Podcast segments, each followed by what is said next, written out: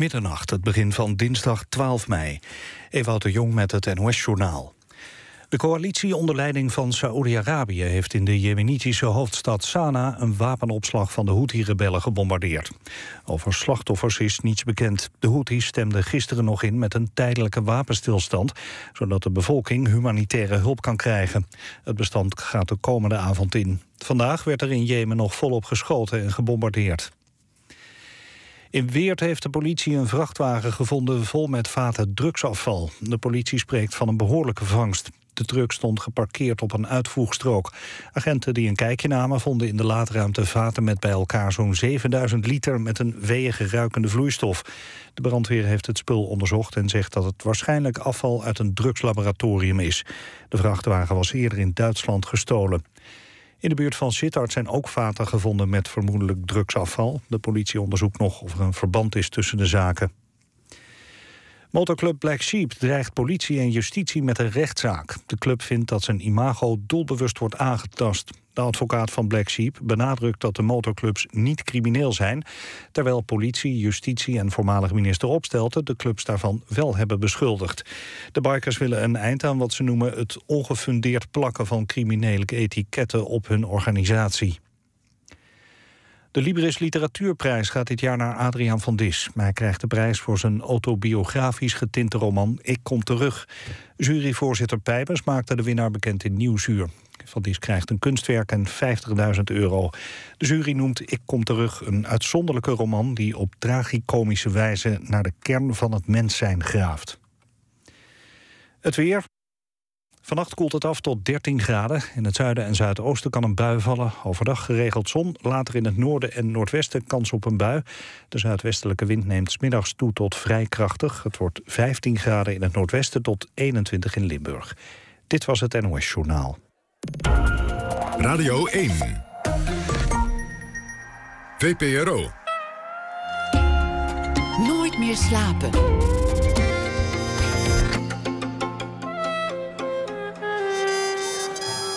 Met Pieter van der Wielen. Goedenacht en uh, welkom bij Nooit meer slapen. Vanuit het Amstel Hotel in Amsterdam, waar uh, vanavond de Libris Literatuurprijs werd uitgereikt. En de winnaar die zit uh, naast mij. In het tweede uur zometeen een gesprek met Paula van der Oest. Zij gaat naar de Verenigde Staten om een film te maken met onder andere hoofdrolspelers uit serie Breaking Bad. Schrijfster Franka Treur die komt zo meteen uh, langs fietsen om een verhaal voor te dragen dat ze speciaal voor ons schreef. En we hebben live muziek in de studio van uh, Afke Romein. Die zit al klaar uh, met haar toetsen.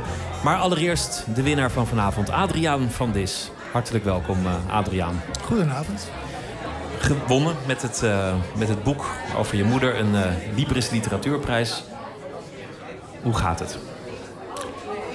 Ik geloof dat je dan moet zeggen dat hier een tevreden en gelukkig man zit. Maar je kunt ook zeggen, ik ben een beetje cool en afstandelijk. En wat gebeurt er allemaal? Had ik dit verwacht? Nee. Had ik het gehoopt? Ja. En morgen zal ik het allemaal wel een beetje tot me door laten dringen. Nu is het ook een beetje professionaliteit. Een gesprek. Niet te veel drinken. Nuchter zijn. Afspraken maken. En het circus wat erbij hoort. Je schrijft in het boek dat je moeder als het ware over je schouder meekijkt. Dat is een, een, een belofte, bijna een bezwering die zij doet aan jouw adres. Van, van ik, ik kijk met je mee. Is, is, is dat hier vanavond ook aanwezig? Dacht je nog aan haar? Nou, ik had uh, op de achterkant van een, uh, een rouw envelop. Ik heb hem zelfs nu hier bij me. Met een randje? Uh, ja, met een, met een grijs randje. Me voorgenomen een dankwoord op te schrijven. Maar ik dacht, als ik een dankwoord opschrijf dan brengt dat ongeluk. Maar het feit dat ik daar een rouwenvelop van mijn moeder voor gebruik... is veelzeggend, want zij gebruikte rouwenveloppen en kaarten... ook als uh, noodzakelijke notitiepapier. En al haar boeken die ze achterliet zaten vol met dat soort zaken. Dus ik ben getreden in haar uh, gebruik... door dat stuk papier te nemen. En doordat ik die envelop, of in dit geval een deel van een rouwkaart bij me heb... is zij ook bij mij. Maar dat klinkt al meteen vreselijk sentimenteel. Dat is waar het hele boek over gaat. Een strijd tegen sentimentaliteit. Uh, zoeken naar een soort kern. En op een eerlijke manier schrijven over allerlei emoties... die voor een belangrijk deel vals zijn. Een overwinningsspeech op de achterkant van een rouwkaart is ook wel een mooi symbool. Dat je schrijft over iemand in je leven die er niet meer is. En daar vervolgens applaus mee oogst, uh, glorie mee vergaart. Maar ook, denk voor jezelf, plezier misschien wel. Uh, ja, je kunt ook zeggen over de rug en over het lijk van zijn moeder haalt hij een mooi geldbedrag binnen. Dat zou, ik, dat zou ik wel plat vinden om het zo ja, te zeggen. Ja, nee, maar dat is, dat is, ik spreek even de Twittertaal. Ja. Dus de beerput, die zich natuurlijk ook ongetwijfeld uit. Gelukkig lees ik het allemaal niet, maar ik kan me zo voorstellen dat het naar boven komt. In mijzelf zit ook een valse valserik hoor. Ben heel goed in op een valse manier naar mezelf kijken. Maar het ging natuurlijk om wat meer. Het ging om uh, mezelf en mijn moeder. En om de verbitterde verhouding die ik met mijn moeder had... als het ware recht te doen en een aardige moeder te maken. Dus niet die verbitterde verhouding recht te doen, maar die om te draaien. Er moet ook iets aardigs geweest zijn. Er moet ook iets gunstigs geweest zijn. Er was ook een band tussen haar en mij. En dat heb ik voor een belangrijk deel ontkend. Uh, omdat het overschaduwd werd door een uh, steeds ja, pregnanter karakter van een oude vrouw. Uh, maar ik had een hele grappige moeder toen ik een tiener was. Al wou ze niet naar mij luisteren en ik niet naar haar. Maar alle klasgenootjes waren gek op. Want alle meisjes vonden het enige om een moeder te hebben die je hand kon lezen en een horoscoop kon trekken. En mijn moeder was erg goed in de esoterie. En alles wat zweefde, vond mijn moeder al vast. Laten we het straks meer hebben over, over je moeder, je vader, je jeugd en uh, wie jij daardoor zelf ook geworden bent. Maar eerst even terug naar, de, naar het moment. Nu de, de, de prijs die je hebt gewonnen. Je noemde net al de, de, stem des volks op Twitter. Is het eigenlijk nog belangrijk voor je wat, wat anderen van je denken? Ben je nog bezig met erkenning? Helaas wel, ja. Helaas wel. Ik, laat me daar ook weer erom een behandeling stellen... om daar niks van aan te trekken. Maar ik zou liegen als ik niks van aantrek. Het is natuurlijk heel belangrijk dat je het goed met jezelf kan vinden... Maar meningen van mensen, uh, ja, dat zijn allemaal trouwens projecties van mij. Laten we dat vooropstellen. De mening wij... van een ander is een projectie van jezelf? Natuurlijk. Je denkt dat iemand iets van je denkt, want je weet helemaal niet wat die ander denkt. Dat is een beetje lastiger met die sociale media. Omdat je natuurlijk de hele dag op Twitter naar jezelf zou kunnen zoeken of op Facebook. Maar dat heb ik allemaal niet. Ik heb even heel kort Twitter gehad tot een krankzinnige vrouw uit Blaricum mijn adres en een foto van mijn huis op Twitter zette. Uh, en toen heb ik meteen mezelf weer losgemaakt van dat uh, fenomeen. Uh, maar het zijn ook voor een deel projecties. Dat je denkt, ze zullen wel dit van mij denken. Dus ja, daar, kun je, daar moet je goed mee op weten te gaan. Dat en dat je... is dan iets wat je zelf denkt? Natuurlijk, natuurlijk. De meeste ellende die je oproept komt gewoon uit je eigen brein. En je verbeeldt de ander, maar dat zit allemaal in jezelf. De zelfkritiek die neemt de gedaante aan van een eventuele menigte, een criticaster, een, een, een ander persoon. Je zou hopen dat je daarvan los bent. Ik doe mijn best, ik doe mijn best, maar ik ben geen perfect mens. En ik heb ook een, een, een, een dosis krankzinnigheid nodig om op een behoorlijke manier te kunnen schrijven. Ik wil niet zeggen dat ik krankzinnigheid koester, maar ik zou liegen als ik zeg dat ik me er niks van aantrek. Ik trek me er wel iets van aan, maar tegelijkertijd als ik eenmaal schrijf en in dat proces zit van ja, alleen maar gericht op, dat, op die schrijftafel en op die, dat bed en dat uh, gele schrijfblok. Want ik schrijf liggend. En ik, als ik eenmaal geschreven heb, tik ik het weer uit achter mijn schrijftafel. Dat proces, dan kan die hele wereld me dood, doodvallen, want er bestaat niet meer. Je hebt uh, een, ook een geldbedrag gewonnen nu. De, de, vorige keer dat we elkaar spraken, dat is eigenlijk niet zo lang geleden. En toen ging het over hetzelfde boek. En toen hadden we het ook over Parijs. En de vraag was, had je daar nou wel weg moeten gaan? Nee. Maar Parijs wou dingen van mij die ik niet meer wou. Ik was in Parijs ja, betrokken geraakt bij allerlei sociale veranderingen. Ik had kennis gemaakt met illegale. Ik was veel in de buitenwijken. Ik ging met een illegale werkster op stap.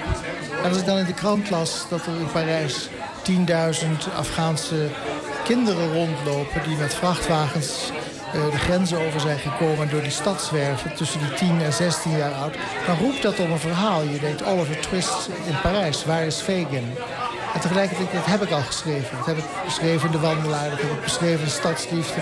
Ik wil met, nu met iets anders bezig zijn. Dus ik heb mij moeten afsnijden van een stad waar ik heel gelukkig was. En waarom was ik gelukkig? Omdat ik uh, niemand iets van me wou. Ik was een vreemdeling en uh, in Nederland moet ik wel eens wat opdraven. Of wordt er een, ja, ik zit hier nu heel heerlijk voor de radio. Maar dat, in Parijs was dat allemaal niet. Ik was daar een, een eenzame man. En die eenzaamheid die is een voorwaarde voor mijn schrijverschap. Vreemdeling is ook een rol die jou ligt. Ja, dat zoek ik ook bewust op. Vreemdelingen en buitenstaanders, dat koester ik ook. Want je kunt elke dag besluiten wie je bent. Omdat je niemand bent in de ogen van een ander. Ja, misschien de groenteboer of de bakker, maar... Ja, dat, is, dat is trouwens ook iets fantastisch. Ik heb altijd toneelspeler willen zijn. Dus ik kan in Parijs elke dag een ander zijn, bij wijze van spreken. En je komt ook in sociale kringen waar je helemaal, niemand uh, wil weten waar je vandaan komt. Dus je kunt bij wijze van spreken een Noor zijn. En de volgende dag kun je een, een Nederlander zijn. En dan kun je weer een andere provincie zijn. Niet dat ik dat deed, maar ik vond het prettig om mezelf elke dag opnieuw uit te vinden. En mee te gaan in, men, in levens van mensen die zich ook elke dag opnieuw moesten uitvinden en waarmaken. Dat vond ik een spannende ja, chemie. En Parijs is een heerlijke theatrale stad, ja. waar, waar iedereen dat spel speelt. Het, eigenlijk vraag je af, waar zijn eigenlijk die, die Fransen? Het lijkt wel of die hele stad uit vreemdelingen bestaat. En als iedereen een vreemdeling is, dan ben je ook geen vreemdeling meer. Heb je jezelf uitgevonden? Is, is Adriaan van Dissen een uitvinding van jouzelf?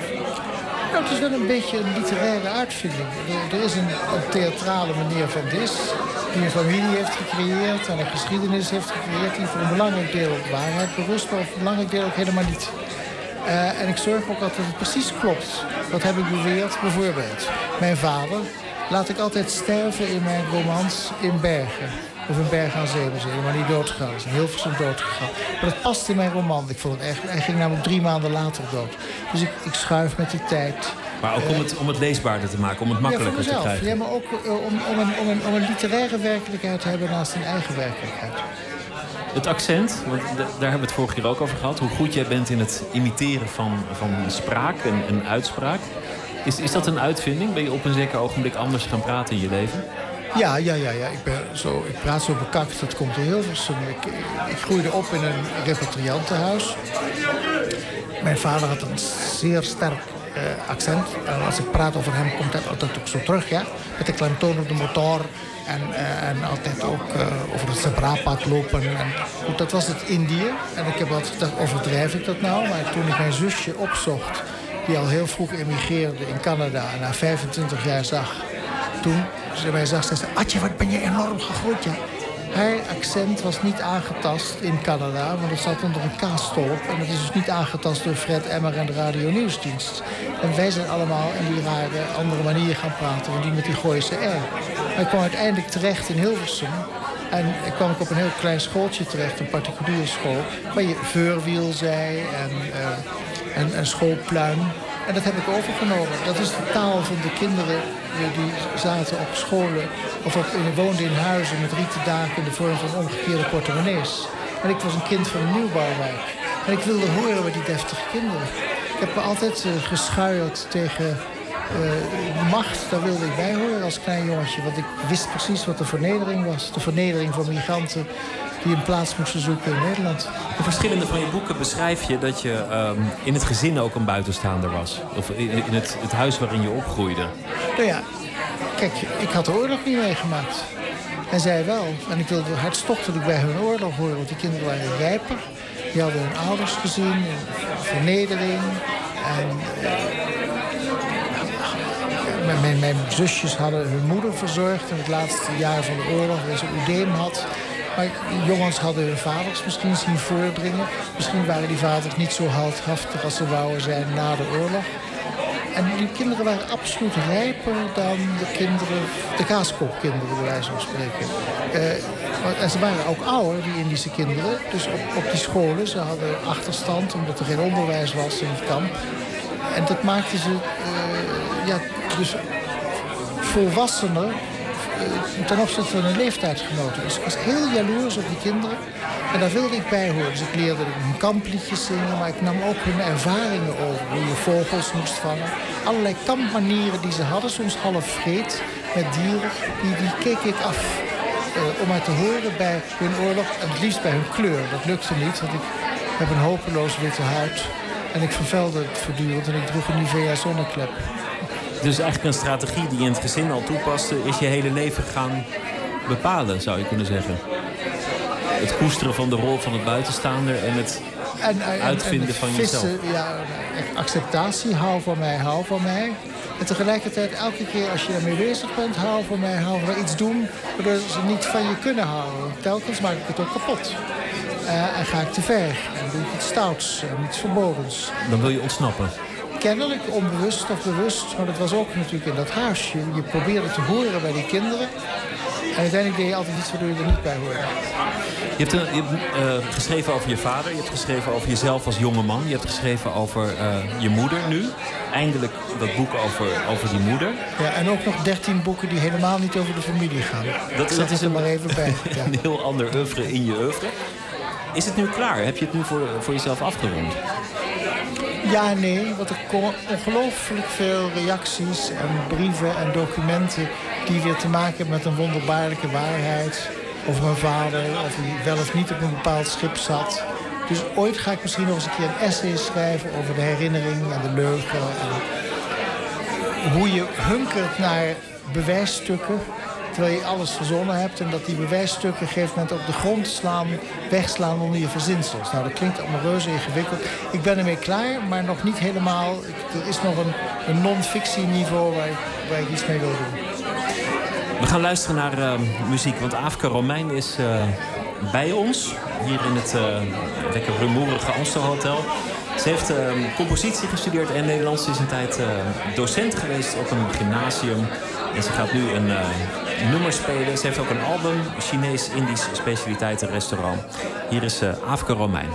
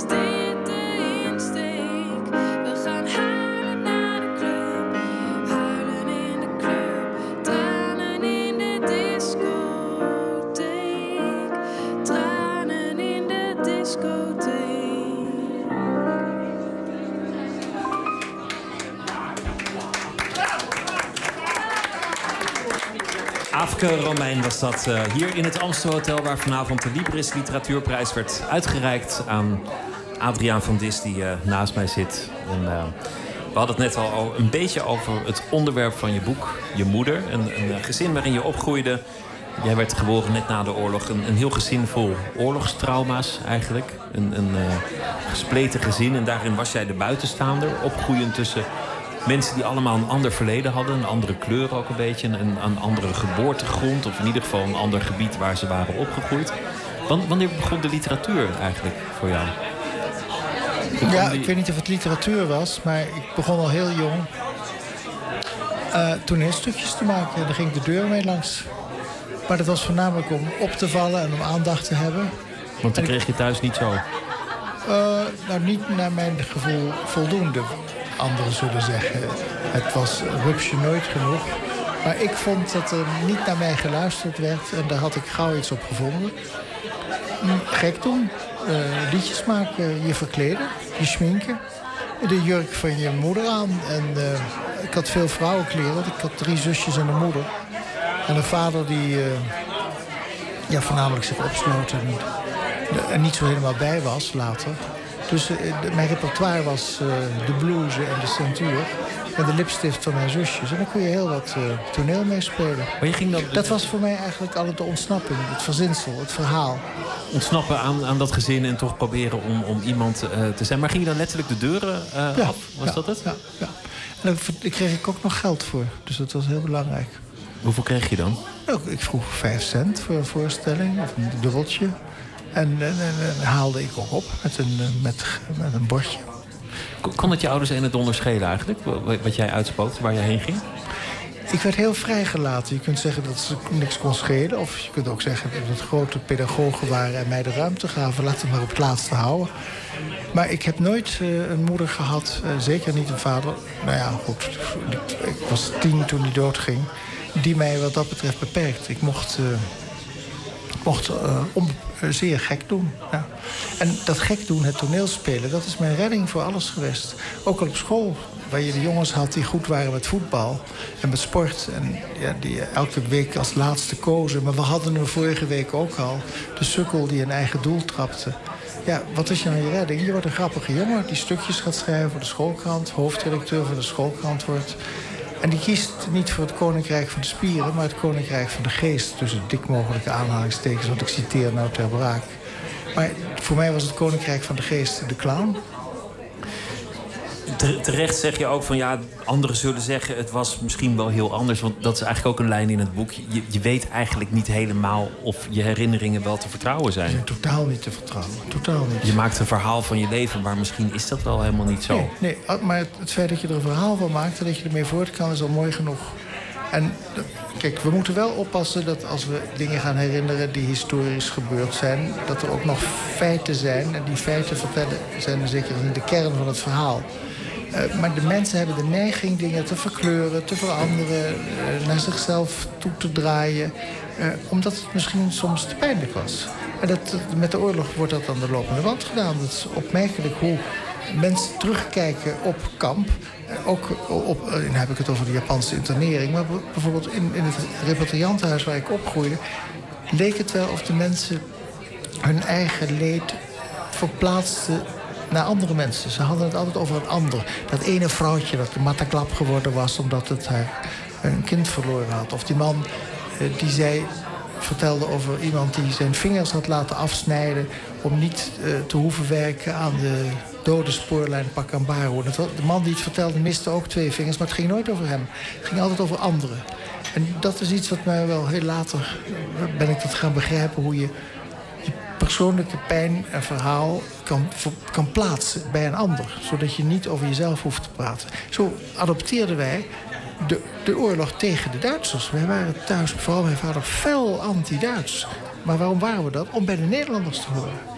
Dan hoefde je niet over je eigen oorlog te praten. Want die eigen oorlog, ja, daar wilden de Nederlanders niks van weten. Je had, je had hem verloren, je had een kolonie verloren. En je was koloniaal geweest en je plukte uit elke boom een banaan. En de Hollanders hebt, hadden allemaal in het verzet gezet. Je hebt een verhaal nodig en het maakt eigenlijk niet zo heel veel uit... of het wel jouw verhaal is en of het verhaal wel klopt. Als je maar een verhaal hebt waar je je identiteit aan kan bevestigen. In grote lijnen komt het daarop neer. Maar dat we behoefte hebben aan verhalen. En dat we verhalen maken. En dat we daarmee ons leed draaglijk maken. Dat, dat hoort bij het, uh, ja, de homo sapiens, bij de mens. Zo'n lief was vertrokken naar Parijs en zat er eigenlijk wel goed op enige afstand van uh, Nederland, maar ook op afstand van zijn moeder. Moeder had daar ook niet zoveel bezwaar tegen. Nee. Maar op een zeker ogenblik, en, en dat is de, de, de motor van het boek, komen jullie tot een merkwaardig akkoord. Jullie helpen elkaar. Een, een, een heitje voor een karweitje zou je het kunnen noemen. Je moeder stelt een vraag in het boek en, en jij hebt een, een, een wedervraag. Ja, ik chargeer het. Het is niet de waarheid, maar het is wel ingegeven door het idee wat ons tot elkaar bracht. Mijn moeder wilde hartstochtelijk dood. En dacht dat ik haar daar best mee zou kunnen helpen. Want al was ze dan lid van allerlei moordclubs... Uh, Vereniging van Vrijwillige Euthanasie... ze mankeerde niks. Dus de dokter zei, wij gaan u niet vermoorden. En of ik dan maar niet met haar mee kon nemen naar Zwitserland... want vijf, zes, zeven, zeven jaar geleden kon je daar makkelijk aan pillen komen... en dan deed je een plastic zak over je kop nadat je de pillen geslikt had... en de, voor je het weet werd je in een andere zak het hotel uitgedragen. Ik heb nooit het plan gehad mijn moeder te vermoorden, want ja, ik moet ermee voort. Uh, maar in die gesprekken over die dood merkte ik wel dat ze vol zat uh, ja, met, met kloppende, zure verhalen over een verleden... wat ze nooit met ons gedeeld had. En, en, en, en haar daar ja, van te laten helpen ontsnappen... dat heeft er ieder geval gezorgd dat ze lichter kon gaan. En jij wilde het verhaal weten, want het boek begint met een kist die je moeder bewaart, waarin dat verleden als het ware weggemoffeld zit. In, in de, in de gedaante dat, dat van een overdrachtelijke kist. Kijk, het Indië van mijn moeder was een bitter Indië. Mijn moeder trouwde op haar. Hoe oud was het? 20ste, 22ste. Een donkere man. Zeer donkere man. Een man, een, eigenlijk een Molukker. Uh, uit, met een achtergrond in de Banda-eilanden. In een boerengemeenschap. Uh, met, een, met een stevig geloof. En ze ontsnapte aan dat geloof. En, en, aan, de, de, donkerheid. Want ze had haar eigen moeder verloren toen ze drie was. Toen ze in die koloniën terecht kwam in Nederlands-Indië... keken de Nederlanders haar aan met een zekere wantrouwen. Dat kan nooit goed gaan, zo'n boerenmeisje met een donkere man. Maar de inheemse bevolking keek er ook met wantrouwen aan. Dat kan ook nooit goed gaan. En niet alleen dat. Ze vertegenwoordigde het gezag, het militaire gezag. Want de man was een, een officier van het Koninklijk Nederlands-Indisch leger. Dus het Indië van mijn moeder, dat is niet het Indië van Tempodulu en hallo luidjes... en hoe heerlijk het rookt naar die banjir... en al die prachtige verhalen waar wij nu... de nostalgie van Indië, dit was een bitter Indië. Mijn moeder heeft dat Indië letterlijk in een hutkoffer geflikkerd... Zeker na de dood van mijn vader en er nooit naar weer omgekeken. Wat je heel vaak hoort over uh, teruggekeerde uh, Indische families. Dat, dat Indië met de terugkeer in een spreekwoordelijke kist werd gestopt en de sleutel. Is, iedereen kreeg zo'n kist, dus het is, is helemaal geen, geen origineel beeld. Elke Indische Nederlander of Nederlander uit de kolonie kwam met een kist terug en een poef. Een poef die kreeg je namelijk gratis uitgedeeld in Ataka. Dat was een woestijndorp in de Rode Zee. Zo is de poef in Nederland gekomen. En die kist. En op die kist stond je naam, druipend witte letters. En ik begin met een gevecht om die kist. Want als kind hoorde ik er niet bij. Jij was er nog niet, je weet er niks van. En ik heb mijn uiterste best om erbij te horen. Door de kampliedjes te zingen. Jappen hier, jappen daar, vele jappen zonder haar. En door het accent over te nemen. Kortom, door, door het verhaal te kennen kon je meetellen. Was je eindelijk volwaardig ja, lid toch, van de en familie. toch was je er niet en weet je er niks van. Je Dan kunt, kom je- Als je kinderen wil hebben die wat bereiken... moet je ze ontzettend tegenwerken. Dat werkt vaak heel goed als je biografieën moet geloven. Of het in praktijk ook zo is, weet ik niet. Omdat de mensen die het niet lukt... Ja, maar al die kinderen die... Oh, wat ben je toch geweldig. En elke rottekening meteen als een Picasso wordt toegejuicht. Dat leidt tot niks. Je moet gewoon zeggen, dat is geen zonnetje. Een zonnetje Nee, heeft nee. geen glimlach. Nee, bijvoorbeeld. Nou ja, ik weet het niet, maar... In het, in het boek moest je ook dan voor je moeder gaan zorgen. Dat is eigenlijk wat in de deal meekwam. Dat, dat je een, een oudere dame om je heen hebt. En dat je, dat je heel dicht bij die moeder moest komen. En zij ook heel dicht bij jou. Iets wat volgens mij niet heel erg bij jou past. Nee, nee, dat vond ik ook het spannende om op te schrijven. Hoe je bij de fysiek komt, bij de aftakeling, je eigen aftakeling. Het boek gaat ook heel erg over mezelf. Eh, Misschien is het voor een belangrijk deel ook een portret van mezelf in mantelpak. Eh, dus ik beschrijf mijn moeder, maar ik beschrijf ook mijn eigen verval. Door naar mijn moeder te kijken. Want dat verval van haar zit ook in mij. Het is een ingewikkeld proces. Het is ook natuurlijk allemaal een, ja, hoe zal ik het zeggen, een kunstwerk. Ik heb dingen verzonnen, maar in die verzinsels kom ik dichter uit bij de moeder, bij de zoon... en de enorme strijd tussen die twee mensen. Want wij, kijk, wij mannen hebben de neiging te denken... dat wij met onze lompheid en grofheid vrouwen overschaduwen... hen geen kansen geven. We doen de afwas niet. De vrouw zit toch altijd nog in de dienende rol. Maar het aantal mannen dat ook gekneusd en gekwetst raakt... door moeders en moederliefde en door vrouwen... die zou ik niet graag de kost willen geven. Want, je, want eigenlijk schets je je moeder in, in haar jongere jaren... als een afstandelijke moeder. Niet als een moeder. Je, beschrijft dat je op Het gevoelsleven van mijn moeder was gewoon uitgeblust. Verschroeid. Doordat haar eerste man, die is onthoofd eh, door de Japanners. Mijn vader is, eh, kwam voorkomen als een wrak uit de oorlog... maar had, was wel een liefdevolle man voor mijn moeder. Of was het niet de bedoeling, geloof ik, helemaal. Maar goed, ik kwam toch ter wereld. Verborgen onder haar hongeroedeem ben ik hier de, uh, Nederland binnengeloodst. En, die, die, ja, dat, dat, die, die, die pijn, eh, en dan nog eens een keer het verlies van twee dochters... het verlies van haar eigen moeder... Het, het, de vervreemding van haar milieu... Eh, het zich losmaken van haar geloof van haar ouders... dat, ja, dat, dat bracht niet meer veel ja, empathie over. Ze, ze was een, een, een, een harde vrouw en die hardheid was noodzakelijk om te kunnen overleven. Die afstandelijkheid, die, want, want je vergeeft het haar je kunt het verklaren. Maar die, die was er desalniettemin. Een jongetje die opgroeide met een moeder die nooit knuffelde. Je, je ging op je eigen hand zitten tot die tintelde. Nou ja, ik, dat, is, een, dat is een, een, een, een voorbeeld om te laten zien hoe een, een, een jongen die nooit aangeraakt wordt... zichzelf toch wil aanraken. En dat mist, ja, dat is... Dat, maar goed, daar, daar gebruik je allerlei beelden voor. En dan laat je je hele verbale eh, geweld op los. Maar de werkelijkheid is inderdaad een moeder die je niet aanraakt. Die op, je ster, op je, haar sterfbed een hand geeft. Tja, je leest wel eens wat anders. En dan zegt, uh, wat was het ook weer, Maxime Verhagen is een druiloor als laatste woord. Nou ja, mijn moeder was gek op uh, politiek. En dat hield ze allemaal bij. En uh, ze volgde alles.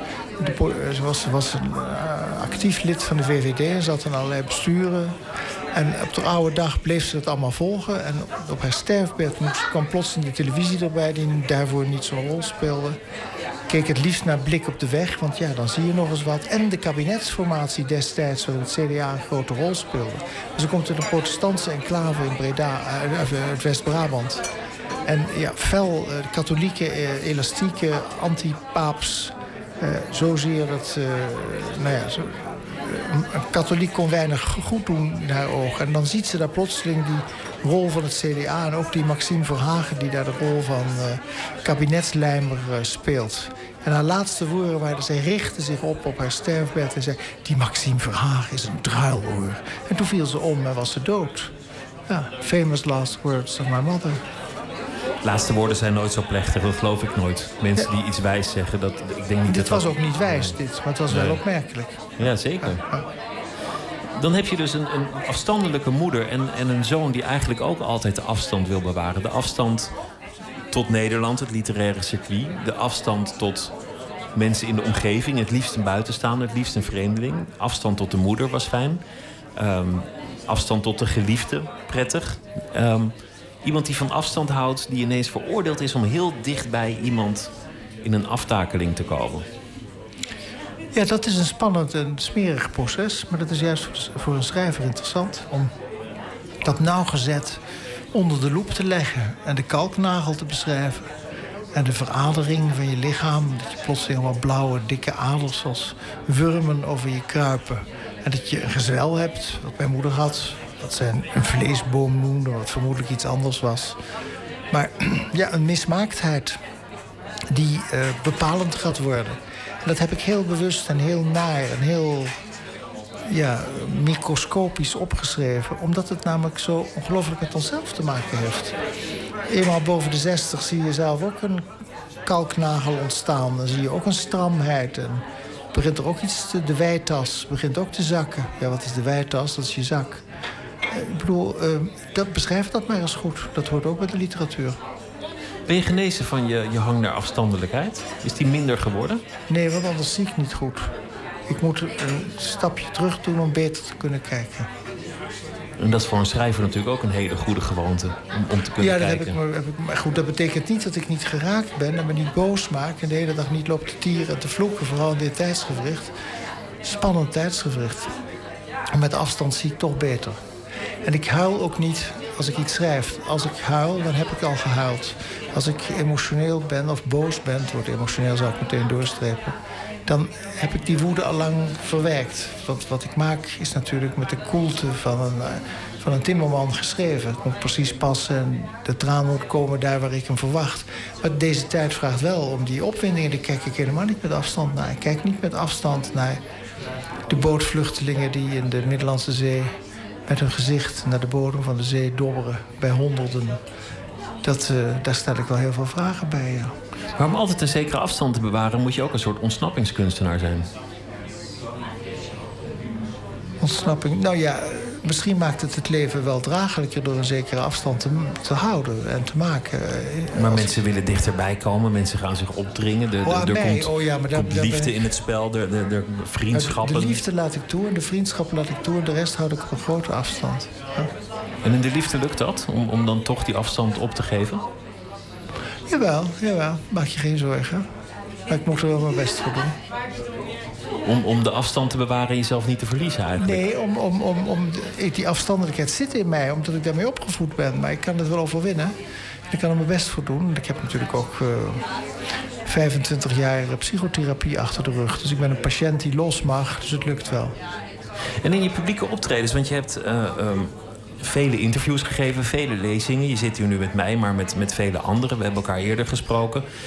Dan moet je iets van jezelf laten zien, maar je moet ook op een zeker ogenblik die grens gaan bewaken of, ja, of, of het theater aanzetten. Ik laat heel veel zien, maar ik ben ook een sphinx. Ik weet precies wat ik vertel en ik weet precies wat ik achterhaal. En ik hou ook heel veel achter. En de verleiding is er nooit omdat, omdat je toch in psychoanalyse hebt gezeten... en er dus een verhaal van hebt weten te maken... om, om het helemaal eruit te gooien, om het, nee. om het masker los nee, te want laten. dan, dan verwond ik mezelf. Dus ik, daar moet ik erg voor oppassen. En soms ga ik te ver. Waarom verwond je dan jezelf? Je moet, ja, dan, dan, dan, dan zeg je dingen die je, waar je op aangesproken wordt. De mensen hebben de neiging je te etiketteren. Je zegt iets en dat ben je. Maar je bent niet één ding. Je bent een rijnsteentje.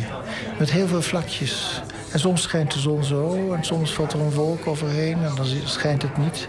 Dat rijnsteentje. En al die facetten ben jij. En dat maakt je tot een eenheid. Maar wij neigen alleen maar één facet van iemand te zien en te, te oordelen. Dat is een rijke zak, dat is een rechtse man, die is links. Dat is een klootzak, die heeft zijn vrouw bedrogen, die is rechts.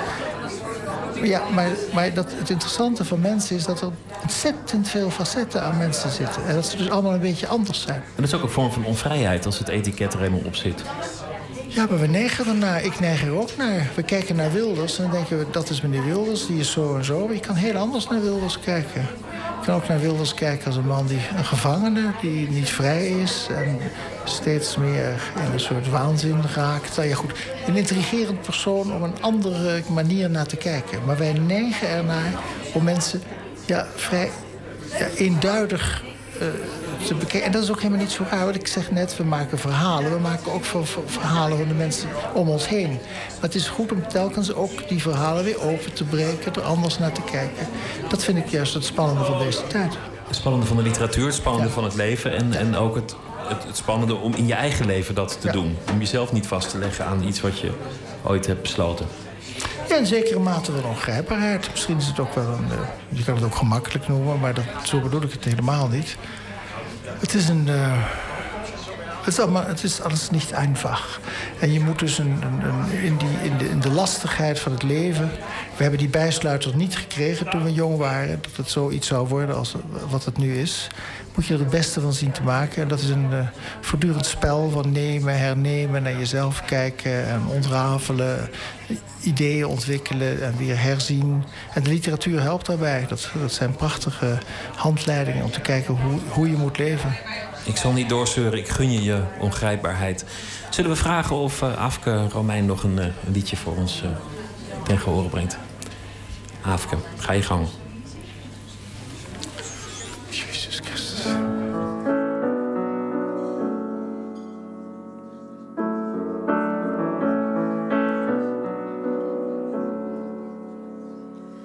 Ik weet er zijn.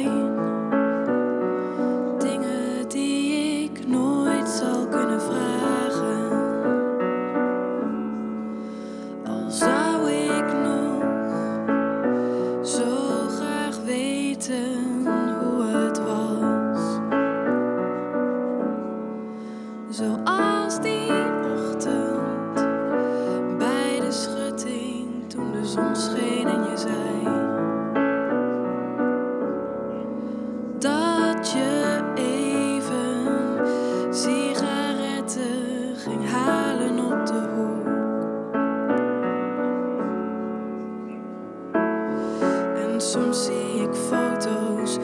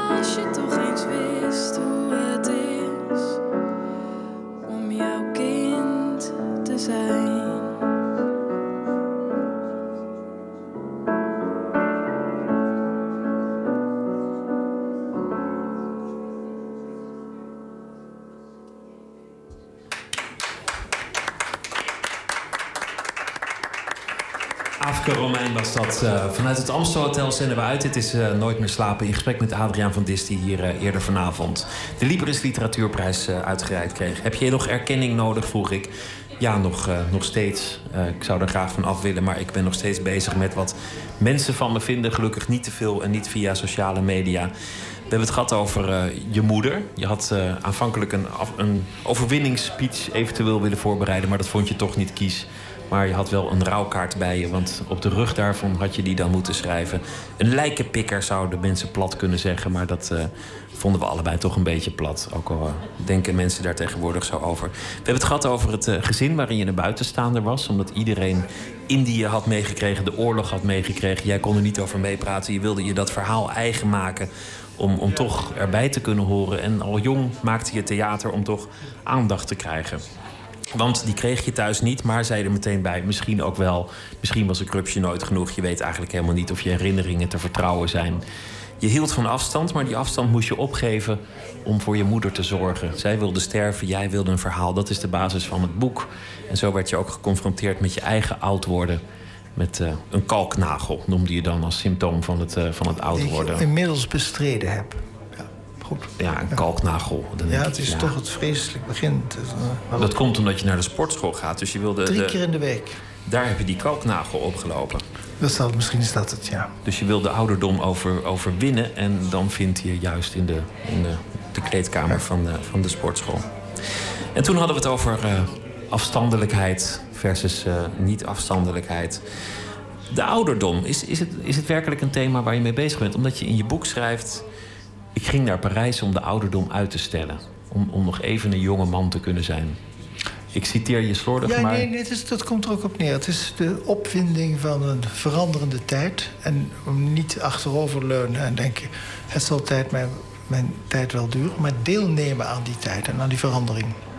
En we leven in een ongelooflijk spannende tijd.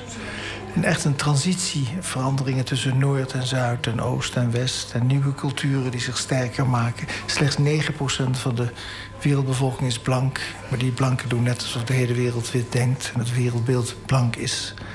En dat verandert allemaal. Dus dat betekent dat mensen met hun hak in het zand staan... zich tegen veranderingen verzetten, zich naar binnen keren... op zoek zijn naar identiteit, identiteit te gaan verzinnen... Ja, dat vind ik machtig om daartussen te zitten. Maar dat moet, wil ik dan niet vreemd genoeg wel met afstandelijkheid bezien. Maar ik wil ook op zoek. Met iemand mee de buitenwijken in naar rottige flatgebouwen die gekraakt zijn omdat er asbest in zit en ze al tien jaar leeg staan. En waar een paar honderd vreemdelingen wonen.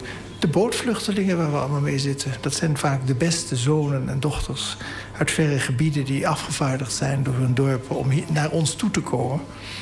En daar waar we ons, eh, ik spreek maar even in gemeenschappelijkheid, tegen verzetten. Terwijl wij het heel normaal vonden om onze culturen daar neer te planten. In, in Nederlands-Indië hebben we een paar duizend kerken neergezet. In het grootste moslimland ter wereld. En nu hebben we een paar moskeeën in Nederland. En zeggen van ja, dat vervuilt ons landschap. En dat verschrikkelijke gejammer uit die minaretten. Terwijl we nooit ons hebben afgevraagd of de kerkklokken wel goed uh, vielen in het grote moslimland uh, van het archipel van het Nederlands-Indië. Kortom, de kolonie slaat terug. De kolonie komt nu hier. En dat geeft schuring en lastige problemen. En dat vind ik prachtig om mee te maken. Om daar uh, ja, met mijn klapblokje tussen te lopen. Dat is een van de, de leuke dingen die je als, als schrijver hebt gedaan in, in de, de banlieue van Parijs. Waar eigenlijk, hoe dichtbij het ook is, heel weinig mensen komen. De, heel weinig journalisten lopen daar rond, heel weinig schrijvers gaan er naartoe. Ik bedoel, er, er stopt gewoon een RER, maar je, mensen die. Maar niet alleen de RER, je kan gewoon met lijn 4 vanaf het. Uh, uh, het Charles de Gaulle. Het uh, negen haltes verder zit je in uh, Sarcelles. En dan zit je al midden in de, ja, in de betonwereld met, met, met kaalgeblazen vlaktes. Maar we stoppen er nooit. En ik wil er ook niet stoppen, bij wijze van spreken. Het is ook heel vervelend en naar. Dat is een van de, de, de dingen die ik langzaamaan ben gaan begrijpen... door naar je series te kijken. Dat mensen zouden kunnen denken dat je een enorme snop bent. Maar dat komt er echt alleen omdat ik zo raar praat. Maar als je daar staat tussen, tussen mensen in een trainingspakje... of, of, of mensen eigenlijk met iedereen... Uh, voel jij je volgens mij precies op dezelfde hoogte staan. Ja, de vraag is, moet ik dan ook een trainingspak aan? Of moet je juist om respect te tonen een das aan... wat ook wel in de volksmond stropdas wordt genoemd... een das aan en een jasje aan om respect te tonen. Dus doe ik een das aan en een jasje aan... Uh, en, uh, maar dat betekent niet dat ik hooghartig ben, maar dat ik ze respecteer. En zo probeer ik een band, ja, met alle afstand, want ik ben er ook bang voor.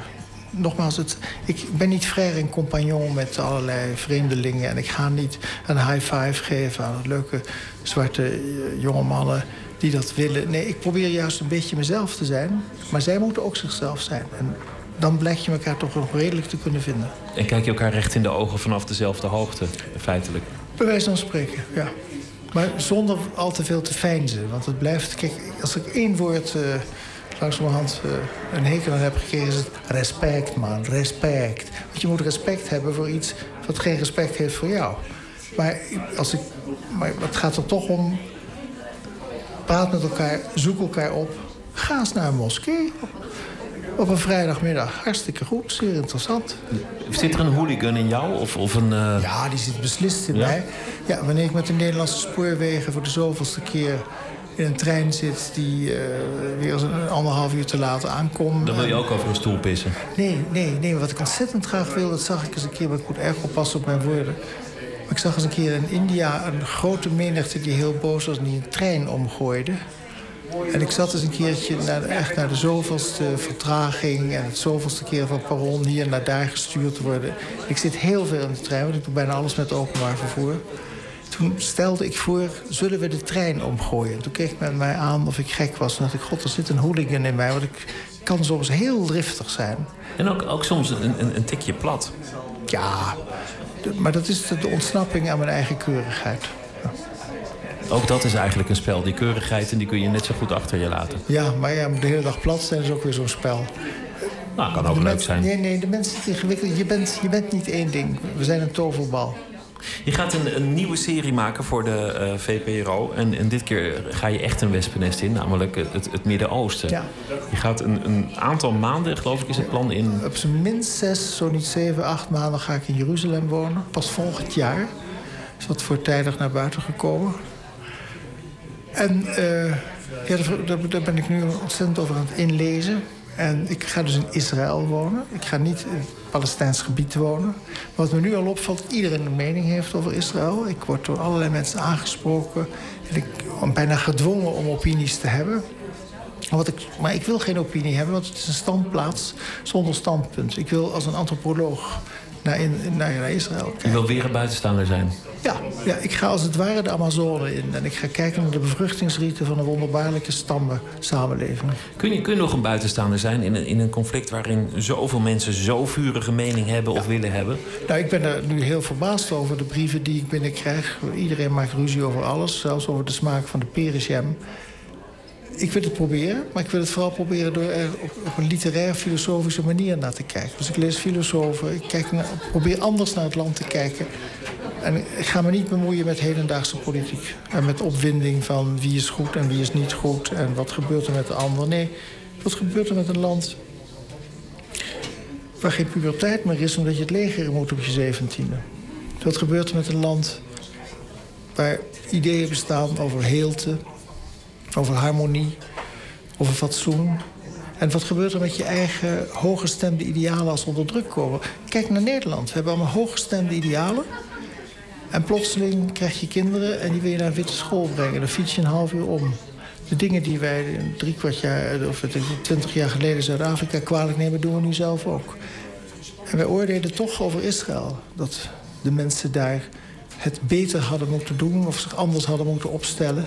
Alsof de weinige Joden die uit de vernietiging eh, zich daar hebben gevestigd, zich daar hebben gevestigd met een fine degree in humanity, zoals de schrijver Howard Jacobson het uitdrukt.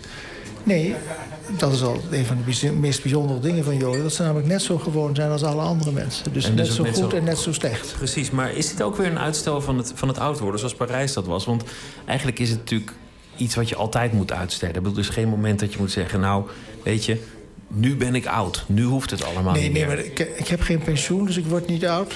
Of ik mag niet oud niet worden. Nee, ik, ik moet gewoon doorwerken. En ik vind het ook leuk om het druk te hebben.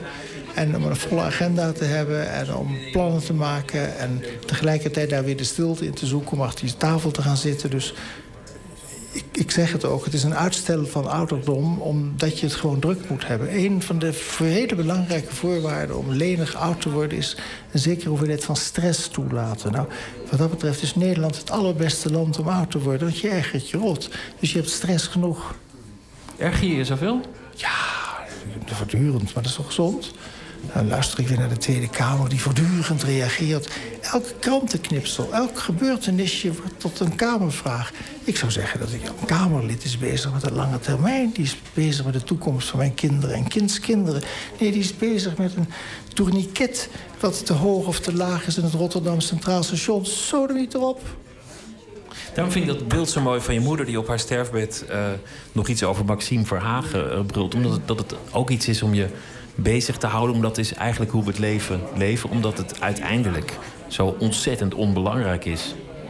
Maxime Verhagen en wat hij nou weer gedaan heeft... en hoe de formatie loopt. Als je aan het sterven bent, dan is er toch niks onbelangrijker dan dat. Dat zou je zeggen, maar goed, haar belangstelling lag in de opwinding van de dagelijkse politiek.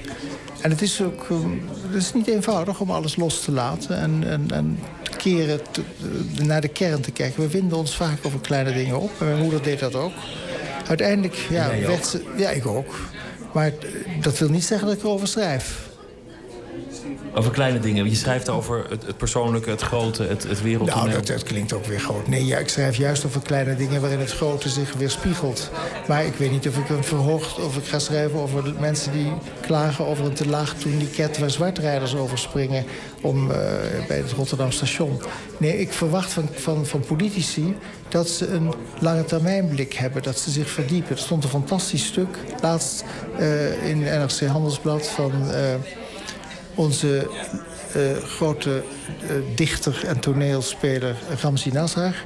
En hij zegt daarin dat onnutte studies, Grieks, kunstgeschiedenis, eigenlijk van ongelooflijk belang zijn. Dat, dat je wapent om beter naar de samenleving te kijken. En dat de, de betere manager heeft eigenlijk dat gestudeerd. En niet uh, een, een directe gefaseerde opleiding met feiten en economie en iets wat toepasbaar is. Juist dat verveling, het on, niet toepasselijke, is vaak, geeft je beter inzicht om leiding te kunnen geven. Omdat dingen eigenlijk niet en, zo concreet en, zijn. En los van het rendement, ja. Dank dat je uh, bent aangeschoven in dit uh, rumoerige, doch gezellige Amstelhotel. Ga nog even in de kroonluchter hangen, zoals de rest van de, de nee, aanwezigen. Het schijnt de bedoeling te zijn dat winnaars van deze prijs nu de Amstel inspringen. Dus wie weet. Dat zei uh, Ilja Vijver vorig jaar ook, maar die, die heeft het volgens mij toen, uh, toen niet gedaan. We gaan uh, om het uur af te sluiten nog één keer luisteren naar Afke Romein, die hier zit achter haar piano.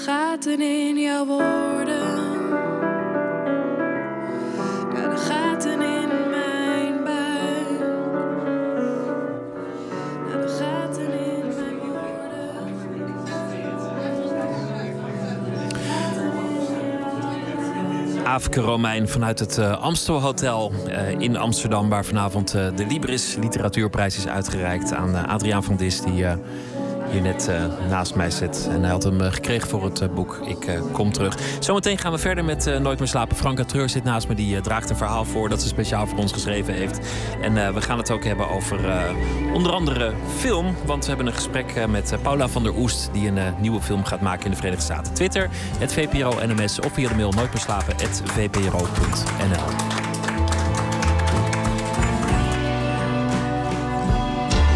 Op Radio 1, het nieuws van alle kanten.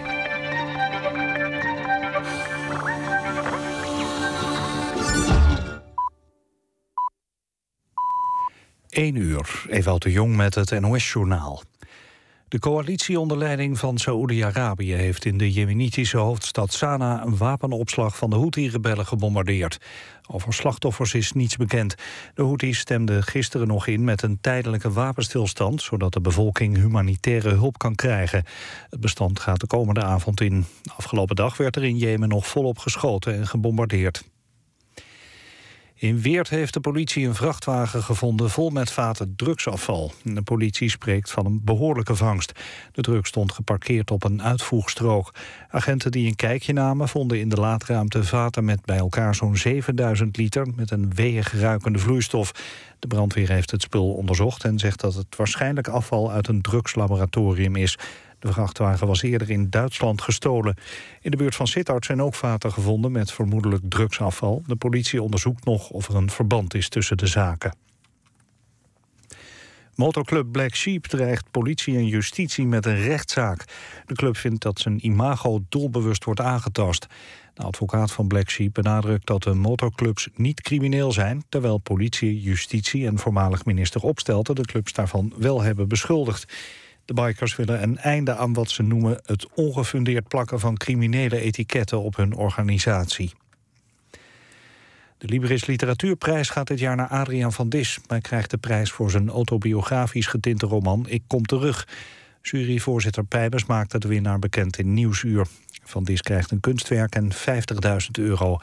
De jury noemt Ik kom terug een uitzonderlijke roman... die op tragicomische wijze naar de kern van het mens zijn graaft. Het weer. Vannacht koelt het af tot 13 graden. In het zuiden en zuidoosten kan een bui vallen. Overdag geregeld zon. Later in het noorden en noordwesten kans op een bui. De zuidwestelijke wind neemt smiddags toe tot vrij krachtig. Het wordt 15 graden in het noordwesten tot 21 in Limburg. Dit was het NOS Journaal. Radio 1. VPRO. Nooit meer slapen.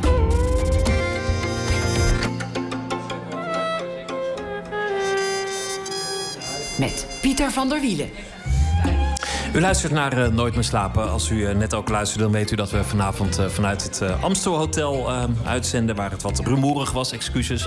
Ik hoop dat er thuis iets van te verstaan was. Als u niks kon verstaan, Adriaan van Dis heeft met mij gepraat over zijn boek. Maar als u het zo slecht kon verstaan, dan luistert u misschien al lang niet meer. Franka Treur is aangeschoven. Zij is schrijfster. Zij zal deze week elke nacht een verhaal voordragen over de afgelopen dag. In 2009 debuteerde ze zeer succesvol met een dorsvloer vol confetti...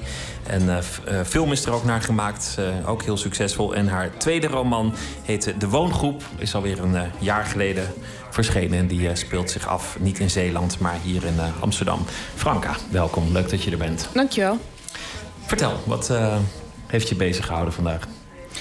Oh, um, nou, ik was aan het klussen in mijn nieuwe appartement. En ik heb eigenlijk van de hele dag niet zoveel meegekregen, behalve dan omdat er de, de hele dag 100% NL aan stond. Want ik was niet alleen aan het klussen, maar er waren ook echte klussers.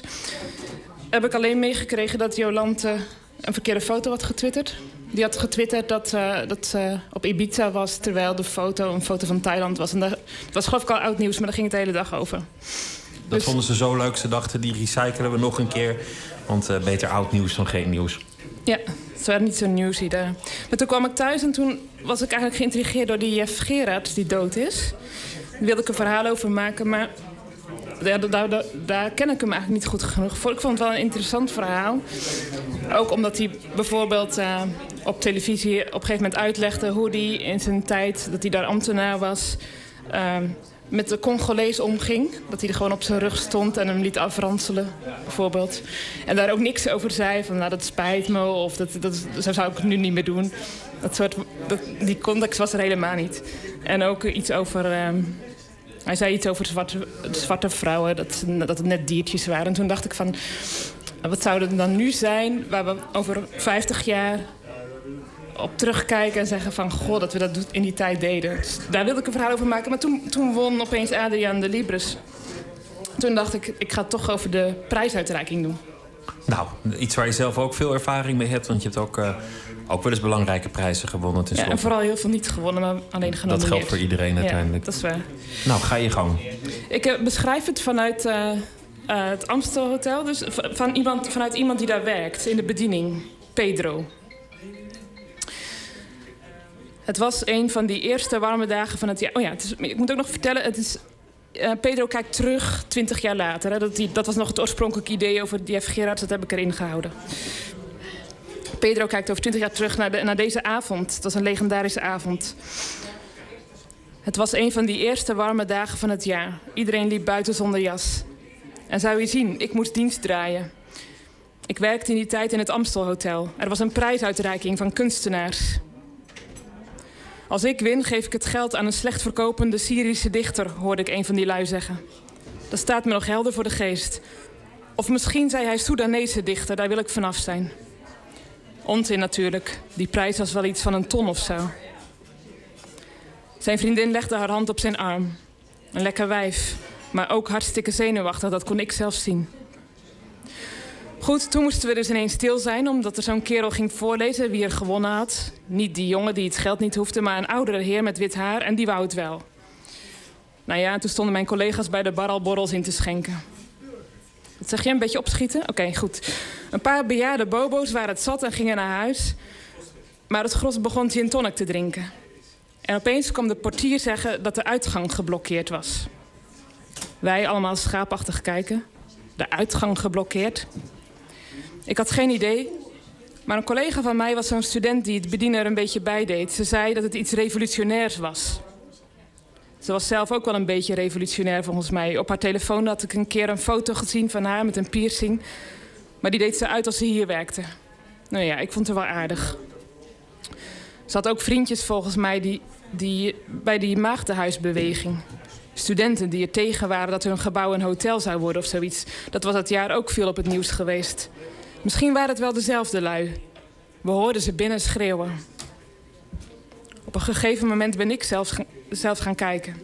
Hoe ze het voor elkaar hadden gekregen, weet ik niet. Maar ze stonden met z'n vijftigen in die draaideur, rondjes te draaien. En de rest eromheen, brallend en schreeuwend. Twee van die gasten liepen de hele tijd naar de bar en kwamen terug met aan elke vinger een, een gin tonic. En al die gin tonics gingen in die draaideur en de glazen kwamen er meteen leeg weer uit. Mannen en vrouwen, ja, en vooral jongeren. Op een gegeven moment waren er ook spandoeken. Wat erop stond, weet ik veel. Jongeren aan de macht, zoiets. Of misschien. Oh ja. Denk niet te gauw, het is weer een vrouw. Die rijmde, die heb ik onthouden. En iets over babyboomers in de jury, zoiets. Maar niemand kon erin of eruit. Drie hele dagen heeft dat geduurd. Behalve wij vond niemand het echt erg verder, volgens mij. Het werd allemaal uitgezonden op de nationale televisie, want die waren ook nog binnen. Ze kregen heel veel aandacht, die kunstenaars. En ze zeggen nu toch dat die rel ervoor gezorgd heeft dat de kunst weer op de kaart staat of zoiets. Maar echt, wat ik gezien heb in die drie dagen, ik zou er een boekje over open kunnen doen. Franka Treur, dankjewel voor het uh, verhaal over een uh, prijsuitreiking. We gaan luisteren naar uh, Typhoon. Lobo Di Basi is de titel van het uh, album waarmee deze rapper uh, vorig jaar doorbrak. En het nummer dat we draaien heet Van de regen naar de zon.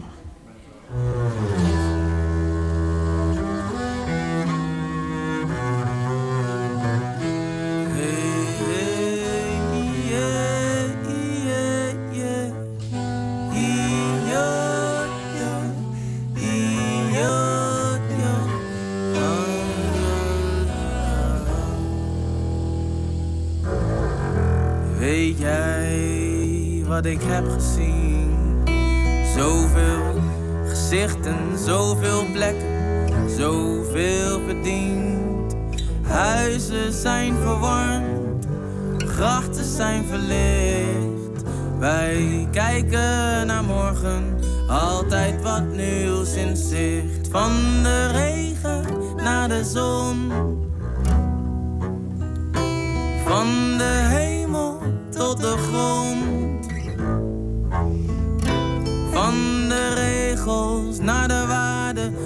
schepen, voor het water. Van de regen naar de zon en andersom.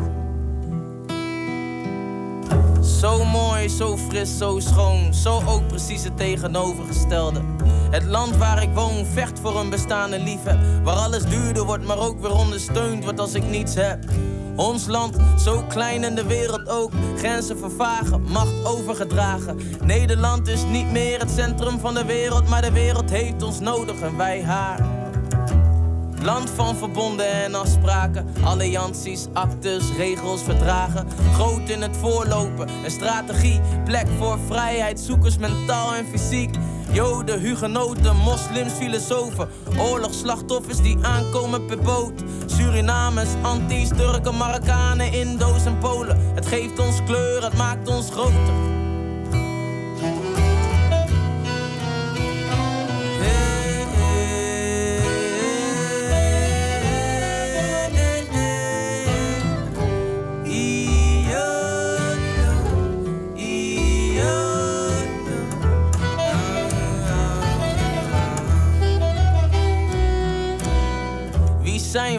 De grote vraag maakte van handelaren wereldveroveraars. De ontdekking van de houtzaagmolen voor de scheepvaart maakte ons koning te water.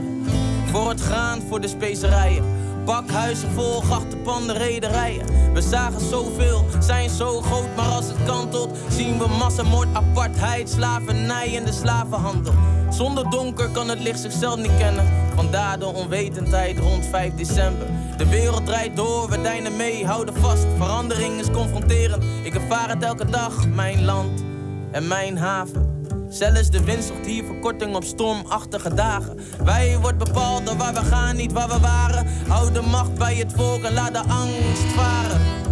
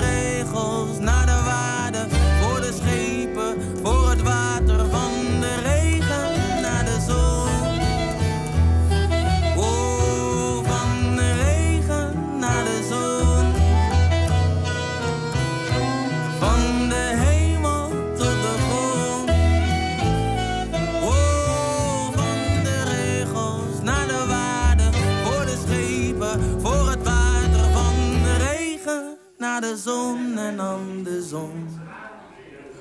Typhoon en binnenkort is hij ook eh, te zien op Pinkpop. eh, Van de regen naar de zon. Firma Riek Zwarte staat al 21 jaar bekend als een toneelgezelschap dat beeldend theater maakt. Totdat, vanwege een conflict tussen de oprichters, de theatergroep stopte te bestaan. Ruim een jaar na de val van de firma is theatermaker en ontwerper Riek Zwarte zelf een nieuw bedrijf begonnen. Zwarte Kunst heet dat. Deze week de première van zijn eerste productie, De Persik van Onsterfelijkheid, naar het eh, boek van Jan Wolkers. Hij is de regisseur en de vormgever van de voorstelling. Verslaggever, Nicole Terborg die ging op bezoek bij het atelier en de repetitie en dat allemaal in Haarlem. En vanavond spelen het voor het eerst achter elkaar, dus het is heel spannend. Ja, dat kan ik me voorstellen. En wanneer ga je echt... eh, Eh, woensdag is de première, Oké. maar vanavond try-out. Ach, meestal gaat het dan wel, Wacht, ja. tuurlijk. Komt allemaal wat Doe goed gewoon. Ja. In de tuin van een statig grachtenpand in, in Haarlem. Hè? Ja. En hier bij me een Riekse Zwarte. En wie is dat? Ik ben, ik ben de beheerder. Ik mag op de boel passen. Hier. Dat is een enorme luxe, zo'n atelier. Hij lacht er helemaal bij. Ja, nee, dit is een hele mooie plek. Dit is de tuin. En eh, dat huis, dat witte huis, daar is eh, Nicolaas Beets geboren. Op naar de werkplek, het atelier. De vloer nat zijn. Hier. Oh, de vloer is nat. Oké.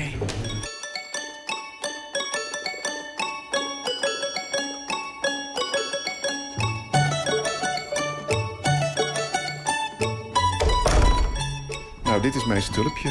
Een ruimte van eh 5 bij 7, parketvloer. En jouw carrière beslaat eh, ruim 45 jaar. Ja. Maar alle spullen die je hebt gemaakt in je carrière... staan, die staan niet hier, hè? Nee, er is geen plek voor. Uh, nee, hier heb je wel... Uh, maar dat is ook, ook nog niet eens... Thuis heb ik nog meer, meer laden met alle, alle tekeningen. En ik heb dan nog een magazijn uh, ergens in de polder. We kijken uit op uh, binnenstad van ja, de gedempte gracht. Links zie ik een boekenkast met, even kijken hoor, cd's, boeken, een liniaal, foto's. Wie zijn dit? Uh, dit zijn uh, ja, de geliefden.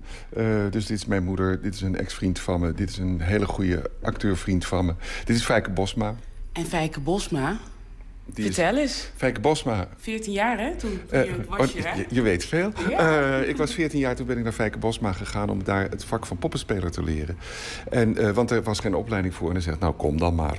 Dus ben ik naar hem toe gegaan. En heeft hij me op twee zaterdagen heeft hij me, de kneepjes van het vak geleerd. En ik heb er nog steeds veel aan. Voor ons zien we een uh, foto van Fijke Bosma, die in ja. 2014 overleden is. Bekende poppenspeler. Waarom besloot je om op 14-jarige leeftijd al naar hem toe te gaan? Uh, ik wilde poppenspeler worden. Ja, ik, ik vond dat het mooiste wat er was. De betovering van dat, je van dat je dingen een verhaal kan laten vertellen. Dat vond ik fantastisch. En uh, daar is later het toneel bij gekomen.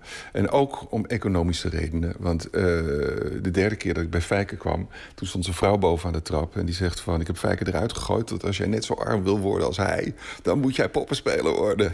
Daaruit jij. En daar stond ik dan als 14-jarige in dat grote Amsterdam. Toen dacht ik, nou, misschien moet ik dan toch maar iets aan toneel gaan doen. Is misschien handiger.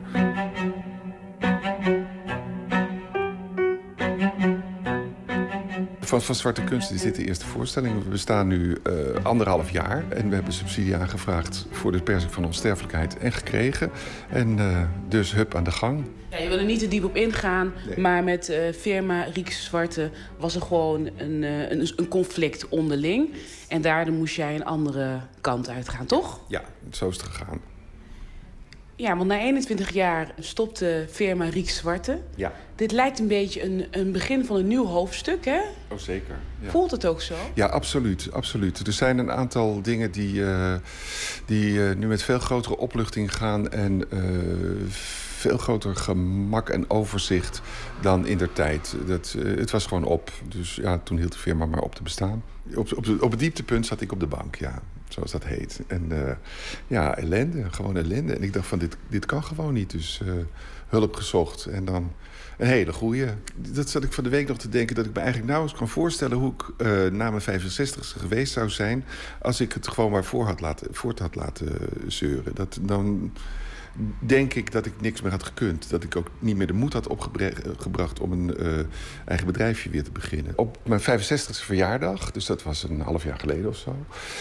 toen bedacht ik me ineens van... goh, niks moet, alles mag. En dat heb ik wel eens eerder bedacht natuurlijk. En toen lukte het niet, want er was er altijd de, uh, ja, de, de productiedwang die er altijd is. En nu wil ik deze voorstelling maken en dan doe ik dat omdat ik dat wil. En niet omdat uh, je subsidie hebt en dan verplicht bent om zoveel keer per jaar een voorstelling uit te brengen. Dus maken vanuit een soort vrijheid. Yes.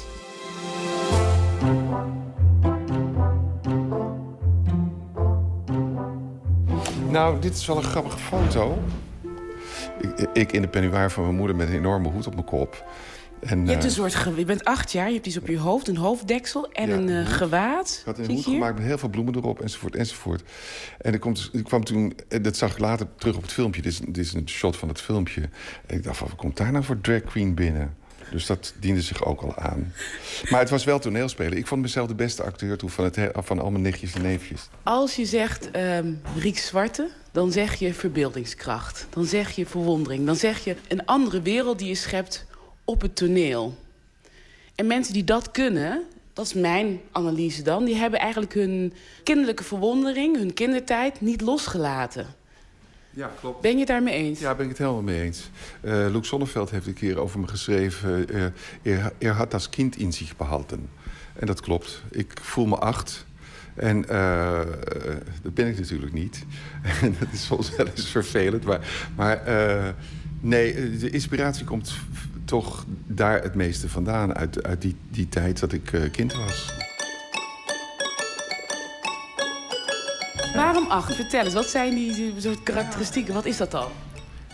alles moet je nog bedenken. En uh, alles wat je meemaakt, dat uh, moet je nog een plek geven. En daar fantaseer je over. Tenminste, ik heb daar toen... Ik, was, ik kreeg echt, bijles omdat ik veel te veel fantaseerde. Ik zat alleen maar naar buiten te kijken.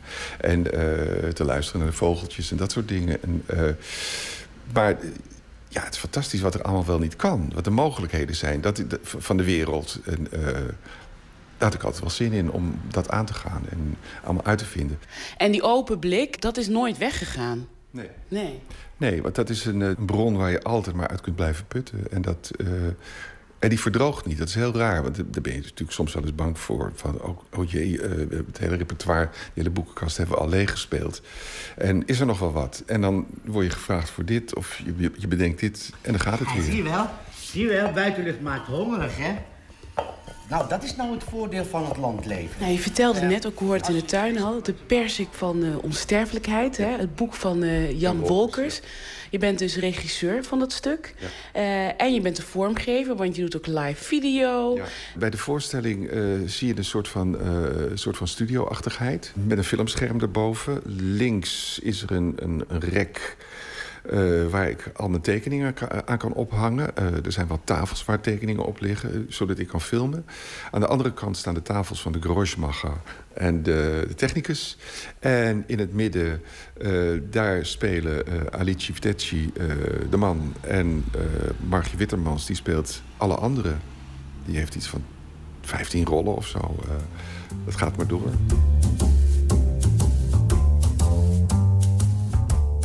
Waar gaan we nu naartoe? Uh, we gaan naar de toneelschuur. En uh, dat is een paar straten verderop. Verhalen vertellen is een heel belangrijk ding. En, en vooral ook dat je, dat je met, met spullen en met poppen... Uh, toch ook behoorlijk mooie verhalen kan vertellen. Daar heb je niet alleen maar één op één acteurs voor nodig. En poppen kunnen soms dingen beter dan acteurs. Dat is heel raar, maar dat, uh, uh, een pop kan vliegen bijvoorbeeld. En ik merk ook, ik, moet me, ik, bedien, ik speel dus nu ook de hond... Uh, in de voorstelling die we aan het maken zijn... dat ik enorm moet uitkijken om die hond niet de acteurs te laten overspelen. Mensen kijken onmiddellijk naar die hond. Ja, er is niks aan te doen en je kan hem heel komisch maken. En je kan alles verzieken met het poppenspel. Nee, nee, is niet echt. Ik vind het heel goed. Rieks kan toch gewoon hem laten lopen? Ja, precies. Dan hebben we ook nog wat te zien. Lisbeth Koolthof zien we daar. Uh, en die is bezig met het eventjes in elkaar te zetten. Want uh, Rieks, wat we eigenlijk hadden afgesproken...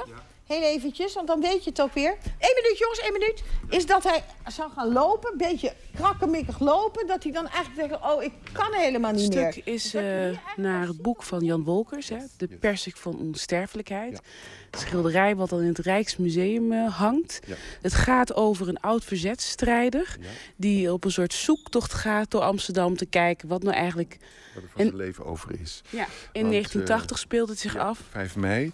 Uh, en toen zijn de Canadezen opnieuw de stad ingetrokken... in een tri soort triomftocht. Nee, maar je kan hier, mag hier eigenlijk niet liggen, want hij wil niet dat je ligt. Want hij gaat er straks iets over zeggen. Ja, ja. maar als ik binnenkom, ja. Oké, okay, dat heb je heel lang... Het boek gaat dus over uh, anderen die er met de zegen vandoor gaan. Herken jij in de hoofdpersoon? Ja, toen dat boek uitkwam, toen dacht ik van... Uh, God, die man is wel stokoud. Die is pas 60 hoor, in dat boek.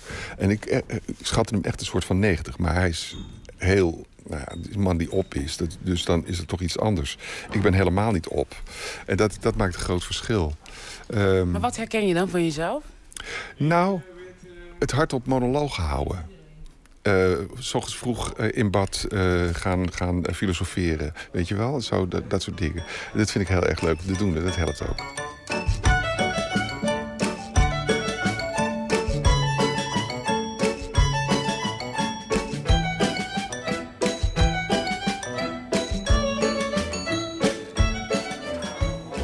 De persik van onsterfelijkheid. Uh, morgen 13 mei. Dat is uh, overmorgen. Morgen, wat is het? Nou ja, uh, dan gaat hij in première. Een bijdrage van Nicole Terborg. We gaan luisteren naar Michelle de Gociello. En die speelt vanavond, of morgen, het is maar hoe je het ziet... in Rotterdam in Beurt. We draaien een nummer van haar recente album... Cometh Come To Me. Samen met Jonathan Wilson. Het nummer heet Good Day Bad.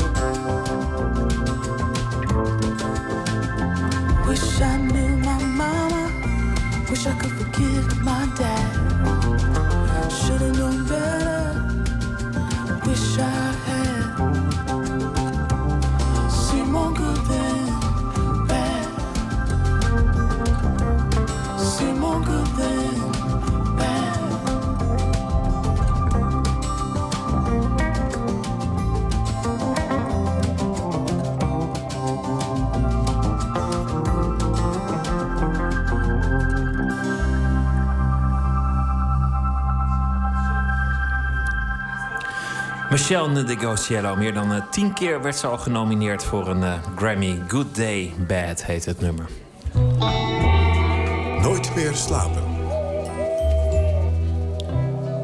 De Nederlandse regisseur Paula van der Oest gaat een Amerikaanse film maken in de Verenigde Staten. Of een eh, Nederlandse film in de Verenigde Staten, is hoe je het ziet. Afgelopen weekend werd dat bekendgemaakt in de Verenigde Staten. Samen met Aaron Paul gaat ze dat doen, de ster uit de hitserie Breaking Bad. En de titel is ook al bekend: The Parts You Lose. Anton de Goede zit hier eh, naast mij, onze nachtcorrespondent Anton. Ja, Pieter. Ehm, mooi nieuws. Eh, dit weekend, hè, altijd eh, als een Nederlandse cineast het in Hollywood gaat maken, dan zijn we blij. Het wordt de eerste Amerikaanse film voor Van der Oest, maar niet haar Engel, eerste Engelstalige project trouwens. Ze heeft een thriller gemaakt, Moonlight. Film Black Butterflies over de Zuid-Afrikaanse dichteres Ingrid Jonker. Maar dit is Amerika. Ehm, we kennen haar waarschijnlijk van Lucia de B. Film die eh, ook nog even mee heeft gedongen naar een Oscar.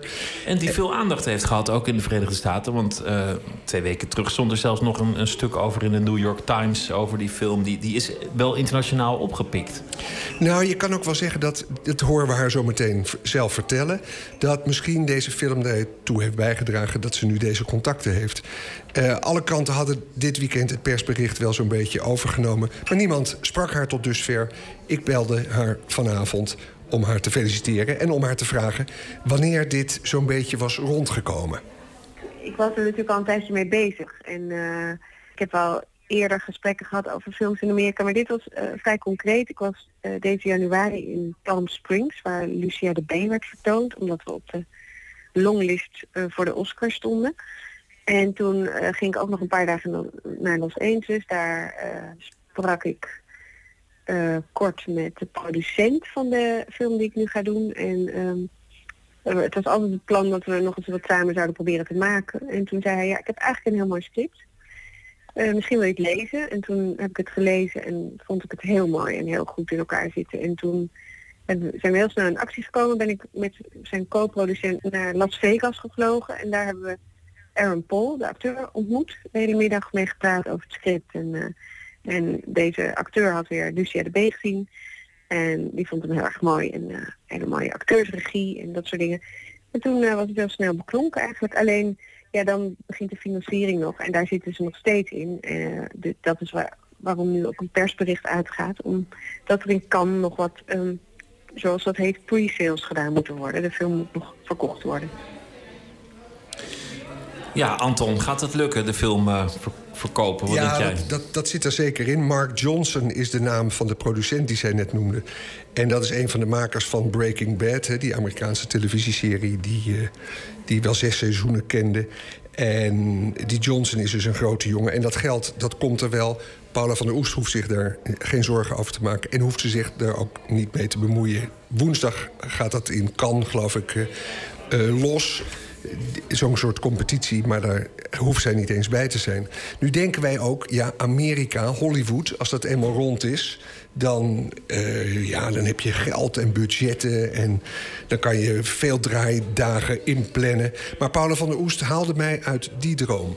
Het grappige is, ik ga een hele kleine film doen voor Amerikaanse begrip. Wordt echt klein. Dus niet zoals Martin Koolhoven, zo'n hele grote 12 miljoen film. Dit is geloof ik hooguit 5 miljoen.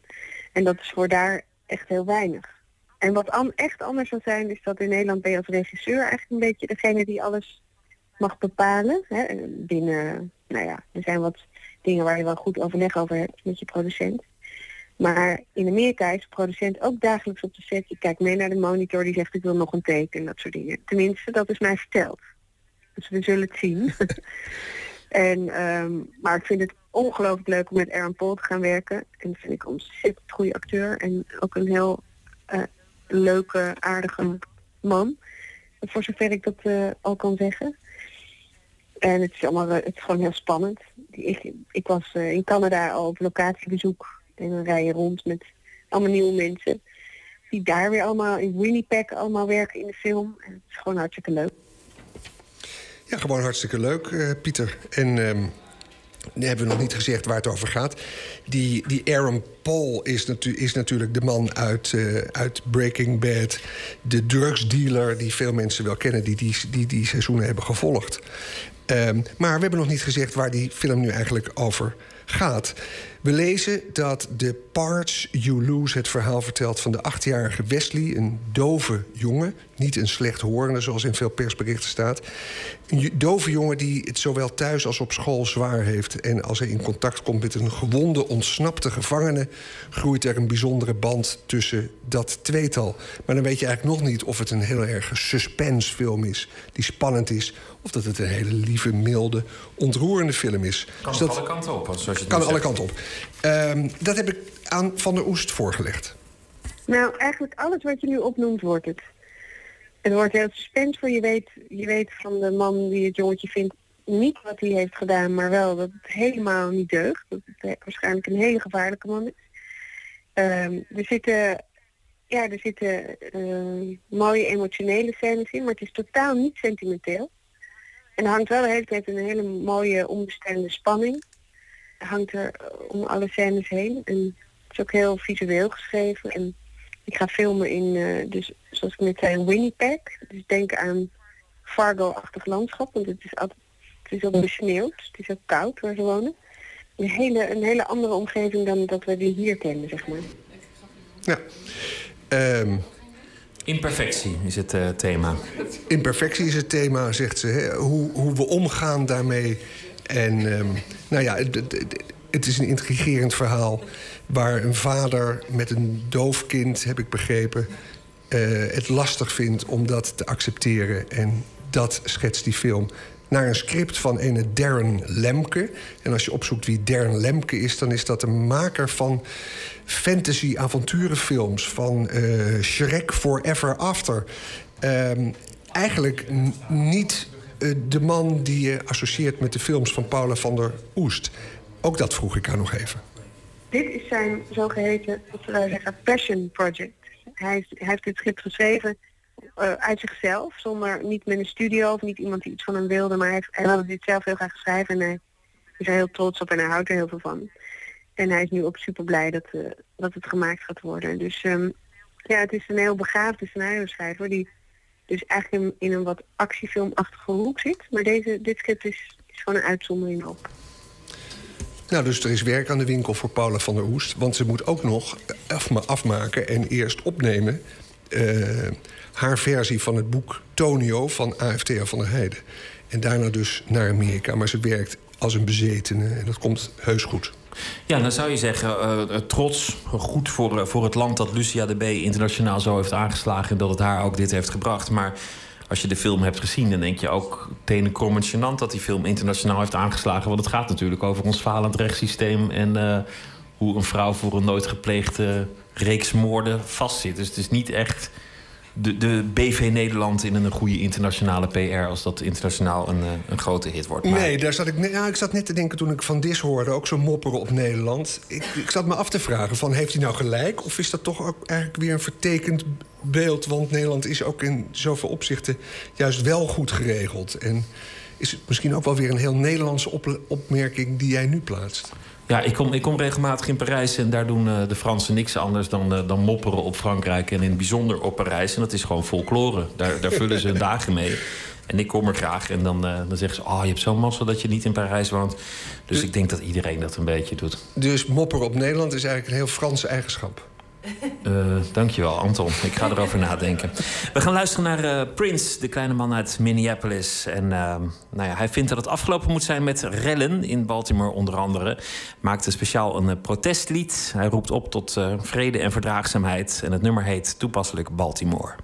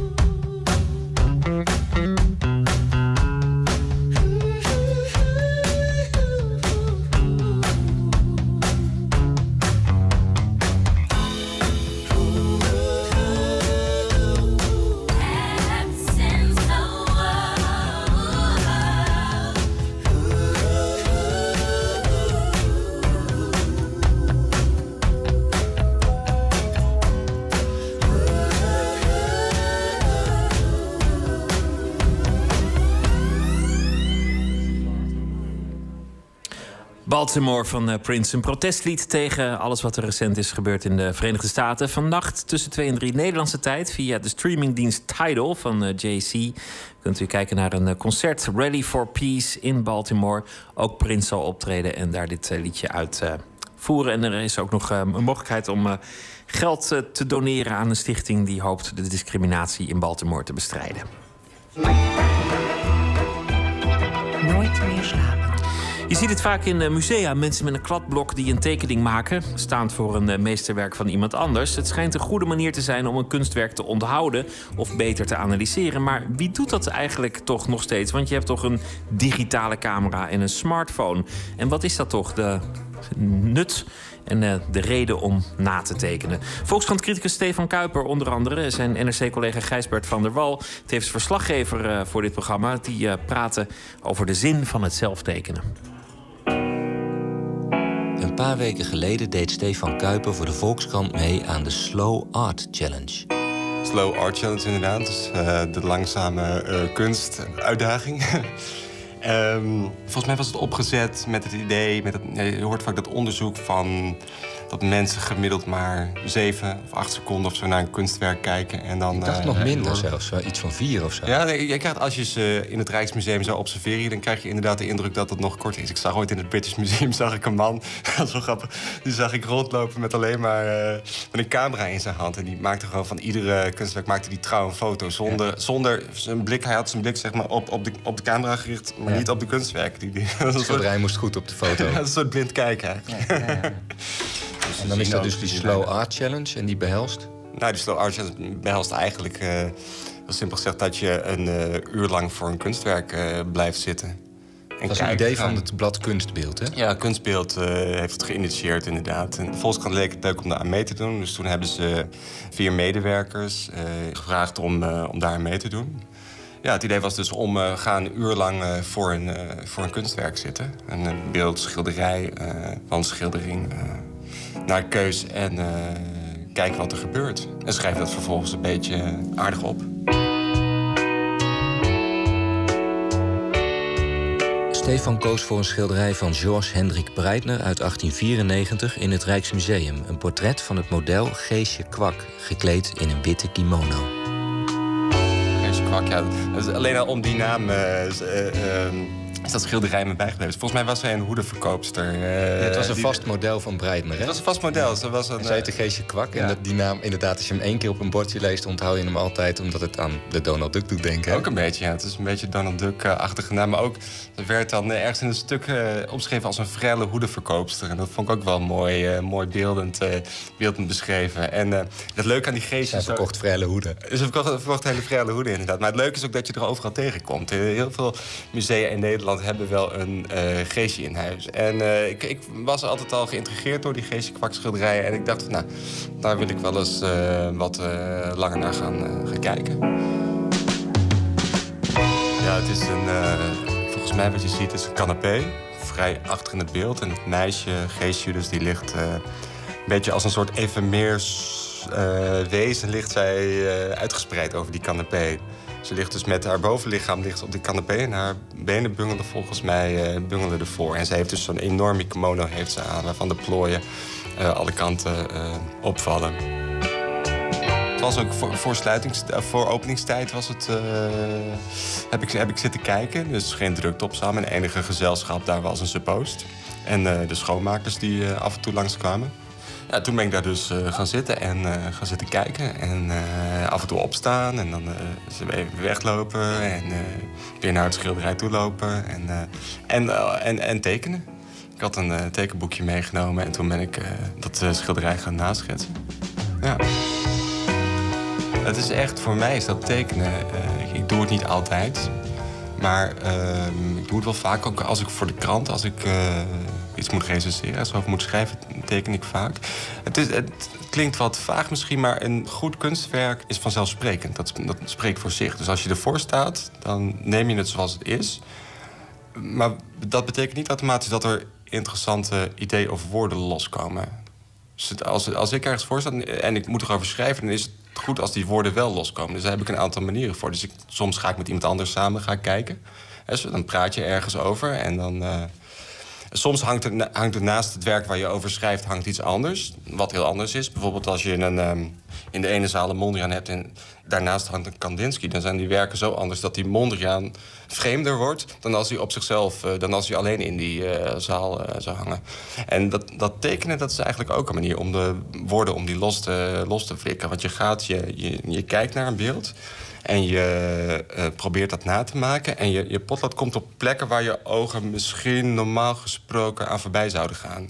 Hè, Ik, dus, ik heb het eh, vroeger ook heel veel gedaan. En wat mij altijd opviel was dat je dwingt jezelf om naar ieder stukje van het schilderij te kijken. Terwijl je anders dan word je misschien als het een portret is, kijk je naar het gezicht of zo. Exact. En dan vergeet je de linker onderhoek. Terwijl als je het moet tekenen, dan moet je toch even in je tekeningetje een, een, een vertaling maken voor wat er in die linker onderhoek gebeurt. Kijk, het is, je moet eigenlijk moeite doen. Ik bedoel, snel met je ogen ergens overheen gaan... is toch anders dan als je het moet kopiëren. Je moet, eh, moet, moet intenser en beter kijken. En ehm, bijvoorbeeld in het geval van dat schilderij van Breitner... dan ehm, alles in dat schilderij is erop gericht... om jouw blik naar het gezicht van het model te sturen. Want ze heeft hele mooie, grote blauwe ogen. Heeft en die staren dan nog zo onbestemd in het luchtledige. Dus dat laat naar zich raden. En eigenlijk... eh, van nature ben je eigenlijk geneigd om de hele tijd met je ogen bij die ogen eh, rond te blijven hangen. Hè? Dat, eh, dat, is zo'n aantrek- dat heeft zo'n aantrekkingskracht dat je eigenlijk niet naar de rest van het schilderij goed kijkt. Ja, je kijkt er wel naar, maar je kijkt er niet goed naar. Dus wat je niet ziet, bijvoorbeeld, is dat er zo'n leuk klein vogeltje ergens onder in die kimono ook nog is geschilderd. Al dat soort details. Daar ga je makkelijker eh, aan voorbij. Terwijl als jij. ehm, die plooival aan het kopiëren bent eh, op je tekening... dan kom je automatisch wandelt, zeg maar, jouw, jouw potlood wandelt richting dat vogeltje. En dan kom je dat vogeltje kom je vanzelf eh, kom je tegen. Ja, je kunt zeggen dat gebeurt ook wel als je gewoon inderdaad een uur voor zo'n schilderij gaat staan en nou eens goed kijken. Maar bij dat goed kijken werkt dat tekenen gewoon heel effectief. Ja, absoluut. Het is, een, het is eigenlijk een manier om ook te dwingen om gewoon heel goed te kijken. Ja.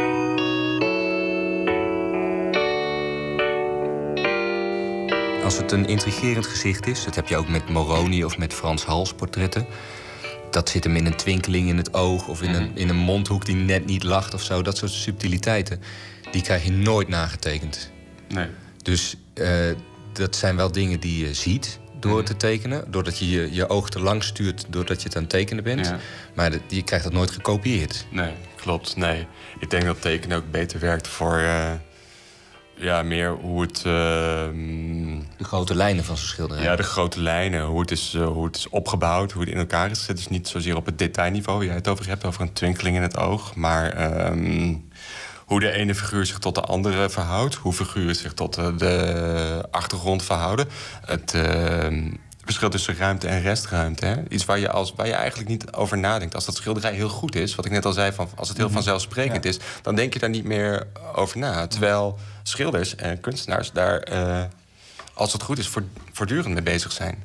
Ja, en om dat dan te tekenen, dat is een soort... Je benoemt die dingen dan allemaal. Eigenlijk is dat die manier van tekenen, dus naar een schilderij...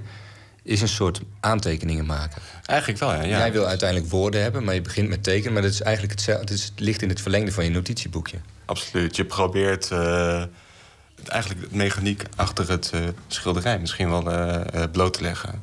Dat is wat je doet, ja. Je bent aan het deconstrueren hoe iets in elkaar is gezet. Ja. En het hoeft ook helemaal geen goede tekening op te leveren. Dat vind ik ook nog. Ik zeg dat wel eens tegen mensen van je zou moeten tekenen. Hè? Dat is de beste manier om, om ergens naar te kijken. Ze ja, maar ik kan helemaal niet tekenen. Maar ik kan ook helemaal niet tekenen. Je kunt die tekening na afloop gewoon weggooien. Je hoeft geen mooi kunstwerk eruit te halen of een goede kopie. Het is meer dat het, het, is een middel. Ja, om, eigenlijk om het eh, maakproces inzichtelijk te maken, inderdaad. Als je doet wat de kunstenaar heeft gedaan, doe je misschien nog een, op, op een soort minder ambitieuze manier... doe je dat nog een keertje doe je dat over. Ja, Ja, het is, ook, het is studeren. Studie- ja, het is eh, studieus. eh, maar, ook, maar ook gewoon, het is ook leuk. Er is ook een soort plezier in. Als je inderdaad een twinkeling in het oog van een, eh, of een lachende mond bij Frans Hals... dat krijg je niet nagemaakt. Maar als jij voor een, eh, voor een sculptuur staat, een barokke eh, sculptuur... met allerlei plooivallen erin, dat soort dingen laten zich juist heel goed natekenen. Dan kan ja, oké. Maar een, sculptuur natekenen is sowieso al... Dat is een, Er zit nog weer een extra stap in, omdat je die 3D moet je plat maken. Terwijl een schilderij natekenen is een plat vlak nog eens op een plat vlak kopiëren. Ja, klopt. Ja, ja. Ik vind het ook leuker om driedimensionale kunst dan. eh, eh, wat ik het leukste vind ik gewoon mensen en, eh, en beesten en, en de echte wereld zeg maar te tekenen. Maar van de kunst vind ik de driedimensionale objecten vind ik leuker om te tekenen dan, dan een plat vlak. Maar het werkt heel goed, zeker in een, bijvoorbeeld het Rijksmuseum of het Louvre... wat van die hele veel te volle musea eigenlijk zijn... waar veel te veel te zien is. Ja. Dus zelfs als al wil je dingen goed bekijken... dan nog krijg je een soort koortsachtigheid... van dat je naar, en nog een zaal, nog een zaal, nog een zaal... En je, om je dan te dwingen om bij die afzonderlijke eh, werken stil te staan... Ik heb het laatst had ik het in het Louvre... dat, je, dat ik denk, ja, ik kan weer door een paar zalen door, of door twee afdelingen heen lopen. Dan heb ik alles een beetje gezien. Ja. Ik kan ook, als ik nu toch hier ben, gewoon eh, een kwartiertje stil blijven staan voor één. Toen stond ik voor, toevallig voor een Van Dijk. Toen dacht ik, nou, Van Dijk is een goede schilder. Dus, Ja. en hij heeft lang aan dit schilderij gewerkt. Zo'n ruiterportret met eh, een paar figuren en een paard. Je kunt net zo goed even een kwartier daarvoor stil. Dan zie je al die Rembrandts deze keer maar niet. Of de, of de Ja. Vermeer of de Hals of de, weet ik veel, de Egyptenaren of zo. Maar dan heb, weet je in elk geval zeker dat als je hier eruit komt uit het museum... dat je die Van Dijk, die zit voortaan goed in je hoofd. En beter dan wanneer je er langs gelopen zou zijn. Het is een beetje als met een borrel. Hè? Je kan gewoon, eh, als je naar een feestje gaat of een borrel... dan kun je gewoon met iedereen... eh, Iedereen even begroeten. Iedereen even heel, heel, heel snel begroeten. Dat, maar, maar je kan ook gewoon een wat langer gesprek met één persoon voeren. En misschien is dat eigenlijk is dat- leuker. Is dat ene gesprek, als het een goed gesprek is, dat maar ja, dus moet je wel naar een goed kunstwerk uitkiezen. Je moet niet naar het Louvre gaan en, het- en echt het grootste shitwerk uitkiezen... en daar dan een uur voor gaan staan. Maar, maar, er zijn toch bijna geen shitwerk in het Louvre? Dat weet ik niet. Ik ben altijd niet meer in het Louvre geweest. Dus dat... eh, Nee, dat is nou juist het probleem. Er is zoveel moois. Dat Ja. je, je moet een manier vinden om jezelf te dwingen... om Ja, stil te nee, staan bij één van die mooie dingen. Klopt. Dat kan tamelijk willekeurig eigenlijk. Want ik ben helemaal niet zo fan van Van Dijk Nee. of zo. Maar Nee, dat is absoluut waar. Ja, Het is goed om jezelf soms eh, terug te fluiten. En zeker als er heel veel moois te zien is, dan heb je, wil je eigenlijk wil je alles een beetje zien. En, en de uitkomst is vaak dat je eigenlijk het gevoel hebt dat je niks hebt gezien. Mhm. Dus dat je, dat, je, dat je een vol en leeg hoofd tegelijkertijd hebt. Een beetje alsof je de hele avond eh, eh, hebt zitten internet of zo. Hè, dan kun je dan ook wel eens een beetje zo'n gevoel van metaalmoeheid kun je, kun je krijgen. En eh, dan is, is tekenen is een goede manier om eh, jezelf terug te fluiten, inderdaad. En om eh, wat langer eh te concentreren. om je te concentreren. En vaak heb je dan ook dat je daar misschien wel met... in ieder geval met meer plezier op terugkijkt. Want dat beklijft gewoon. Hè, er zijn werken waar ik een tijd voor heb gezeten en ook heb zitten tekenen. Dat weet ik nog. Terwijl er heel veel andere museumbezoekjes zijn... waarbij ik inderdaad alles heb gezien... maar waarbij er bijna niks is blijven hangen. Dus kennelijk heeft dat, eh, is er toch wel een verband tussen eh, dat, dat natekenen... en dat iets eh, ook in je, nou, in je geheugen eh, getekend wordt eigenlijk. Ja. Een pleidooi voor het tekenen in musea van Volkskrant-criticus Stefan Kuiper en zijn collega Gijsbert van der Wal van NRC. Courtney Barnett ging op huizenjacht. En eh, dan loop je af en toe een andermans huis rond. En dan denk je ineens: Goh, hier zou ik toch niet willen wonen. Nou, dat gevoel dat eh, bespreekt ze in het nummer Die Preston. You said we should look out further. I guess it wouldn't hurt us. We don't have to be around all these coffee shops. We got that percolator. Never made a latte greater. I'm saving $23 a week.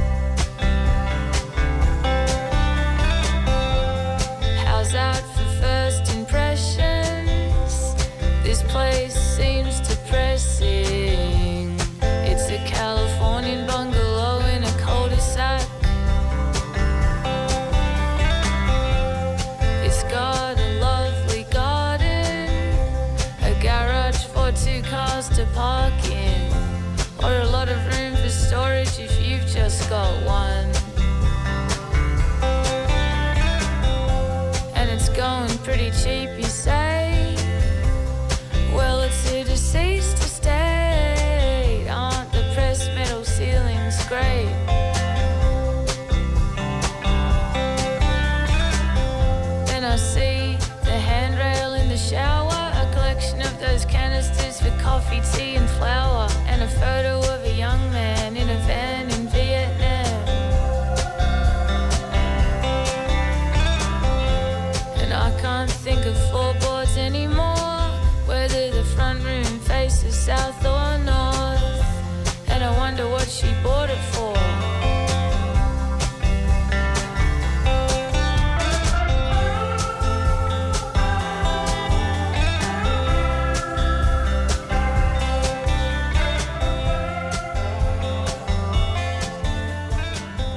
Courtney Barnett met uh, Die Preston van het album Sometimes I Sit and Think and Sometimes I Just Sit. Willem-Jan Otte is uh, dichter, essayist, proza en toneelschrijver. Deze week is hij uh, vooral dichter, want hij zal elke nacht een favoriet gedicht voordragen.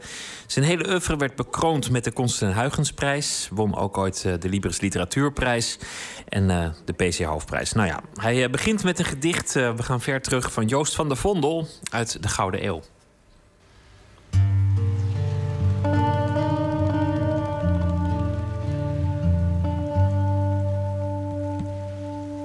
Het gedicht Kinderlijk van Joost van de Vondel is het eerste en laatste gedicht in de wereldliteratuur waar het woord lodderoog in voorkomt.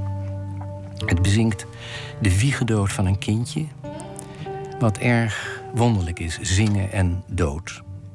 Maar misschien is dat toch wat poëzie wil kunnen. De laatste regel is misschien wel de beroemdste van onze literatuur. Kinderlijk.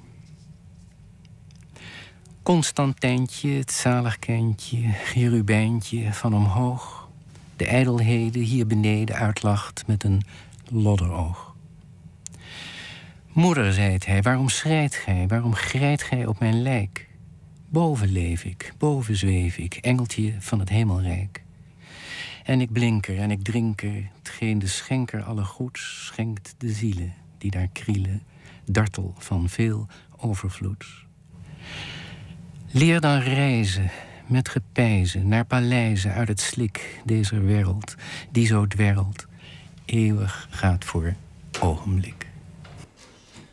Willem-Jan Otte las het gedicht Kinderlijk van Joost van de Vondel.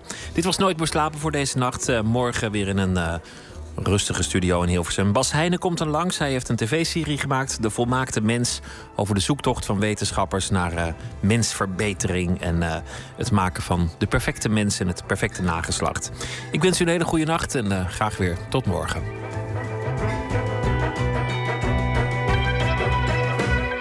Op Radio 1, het nieuws van alle kanten.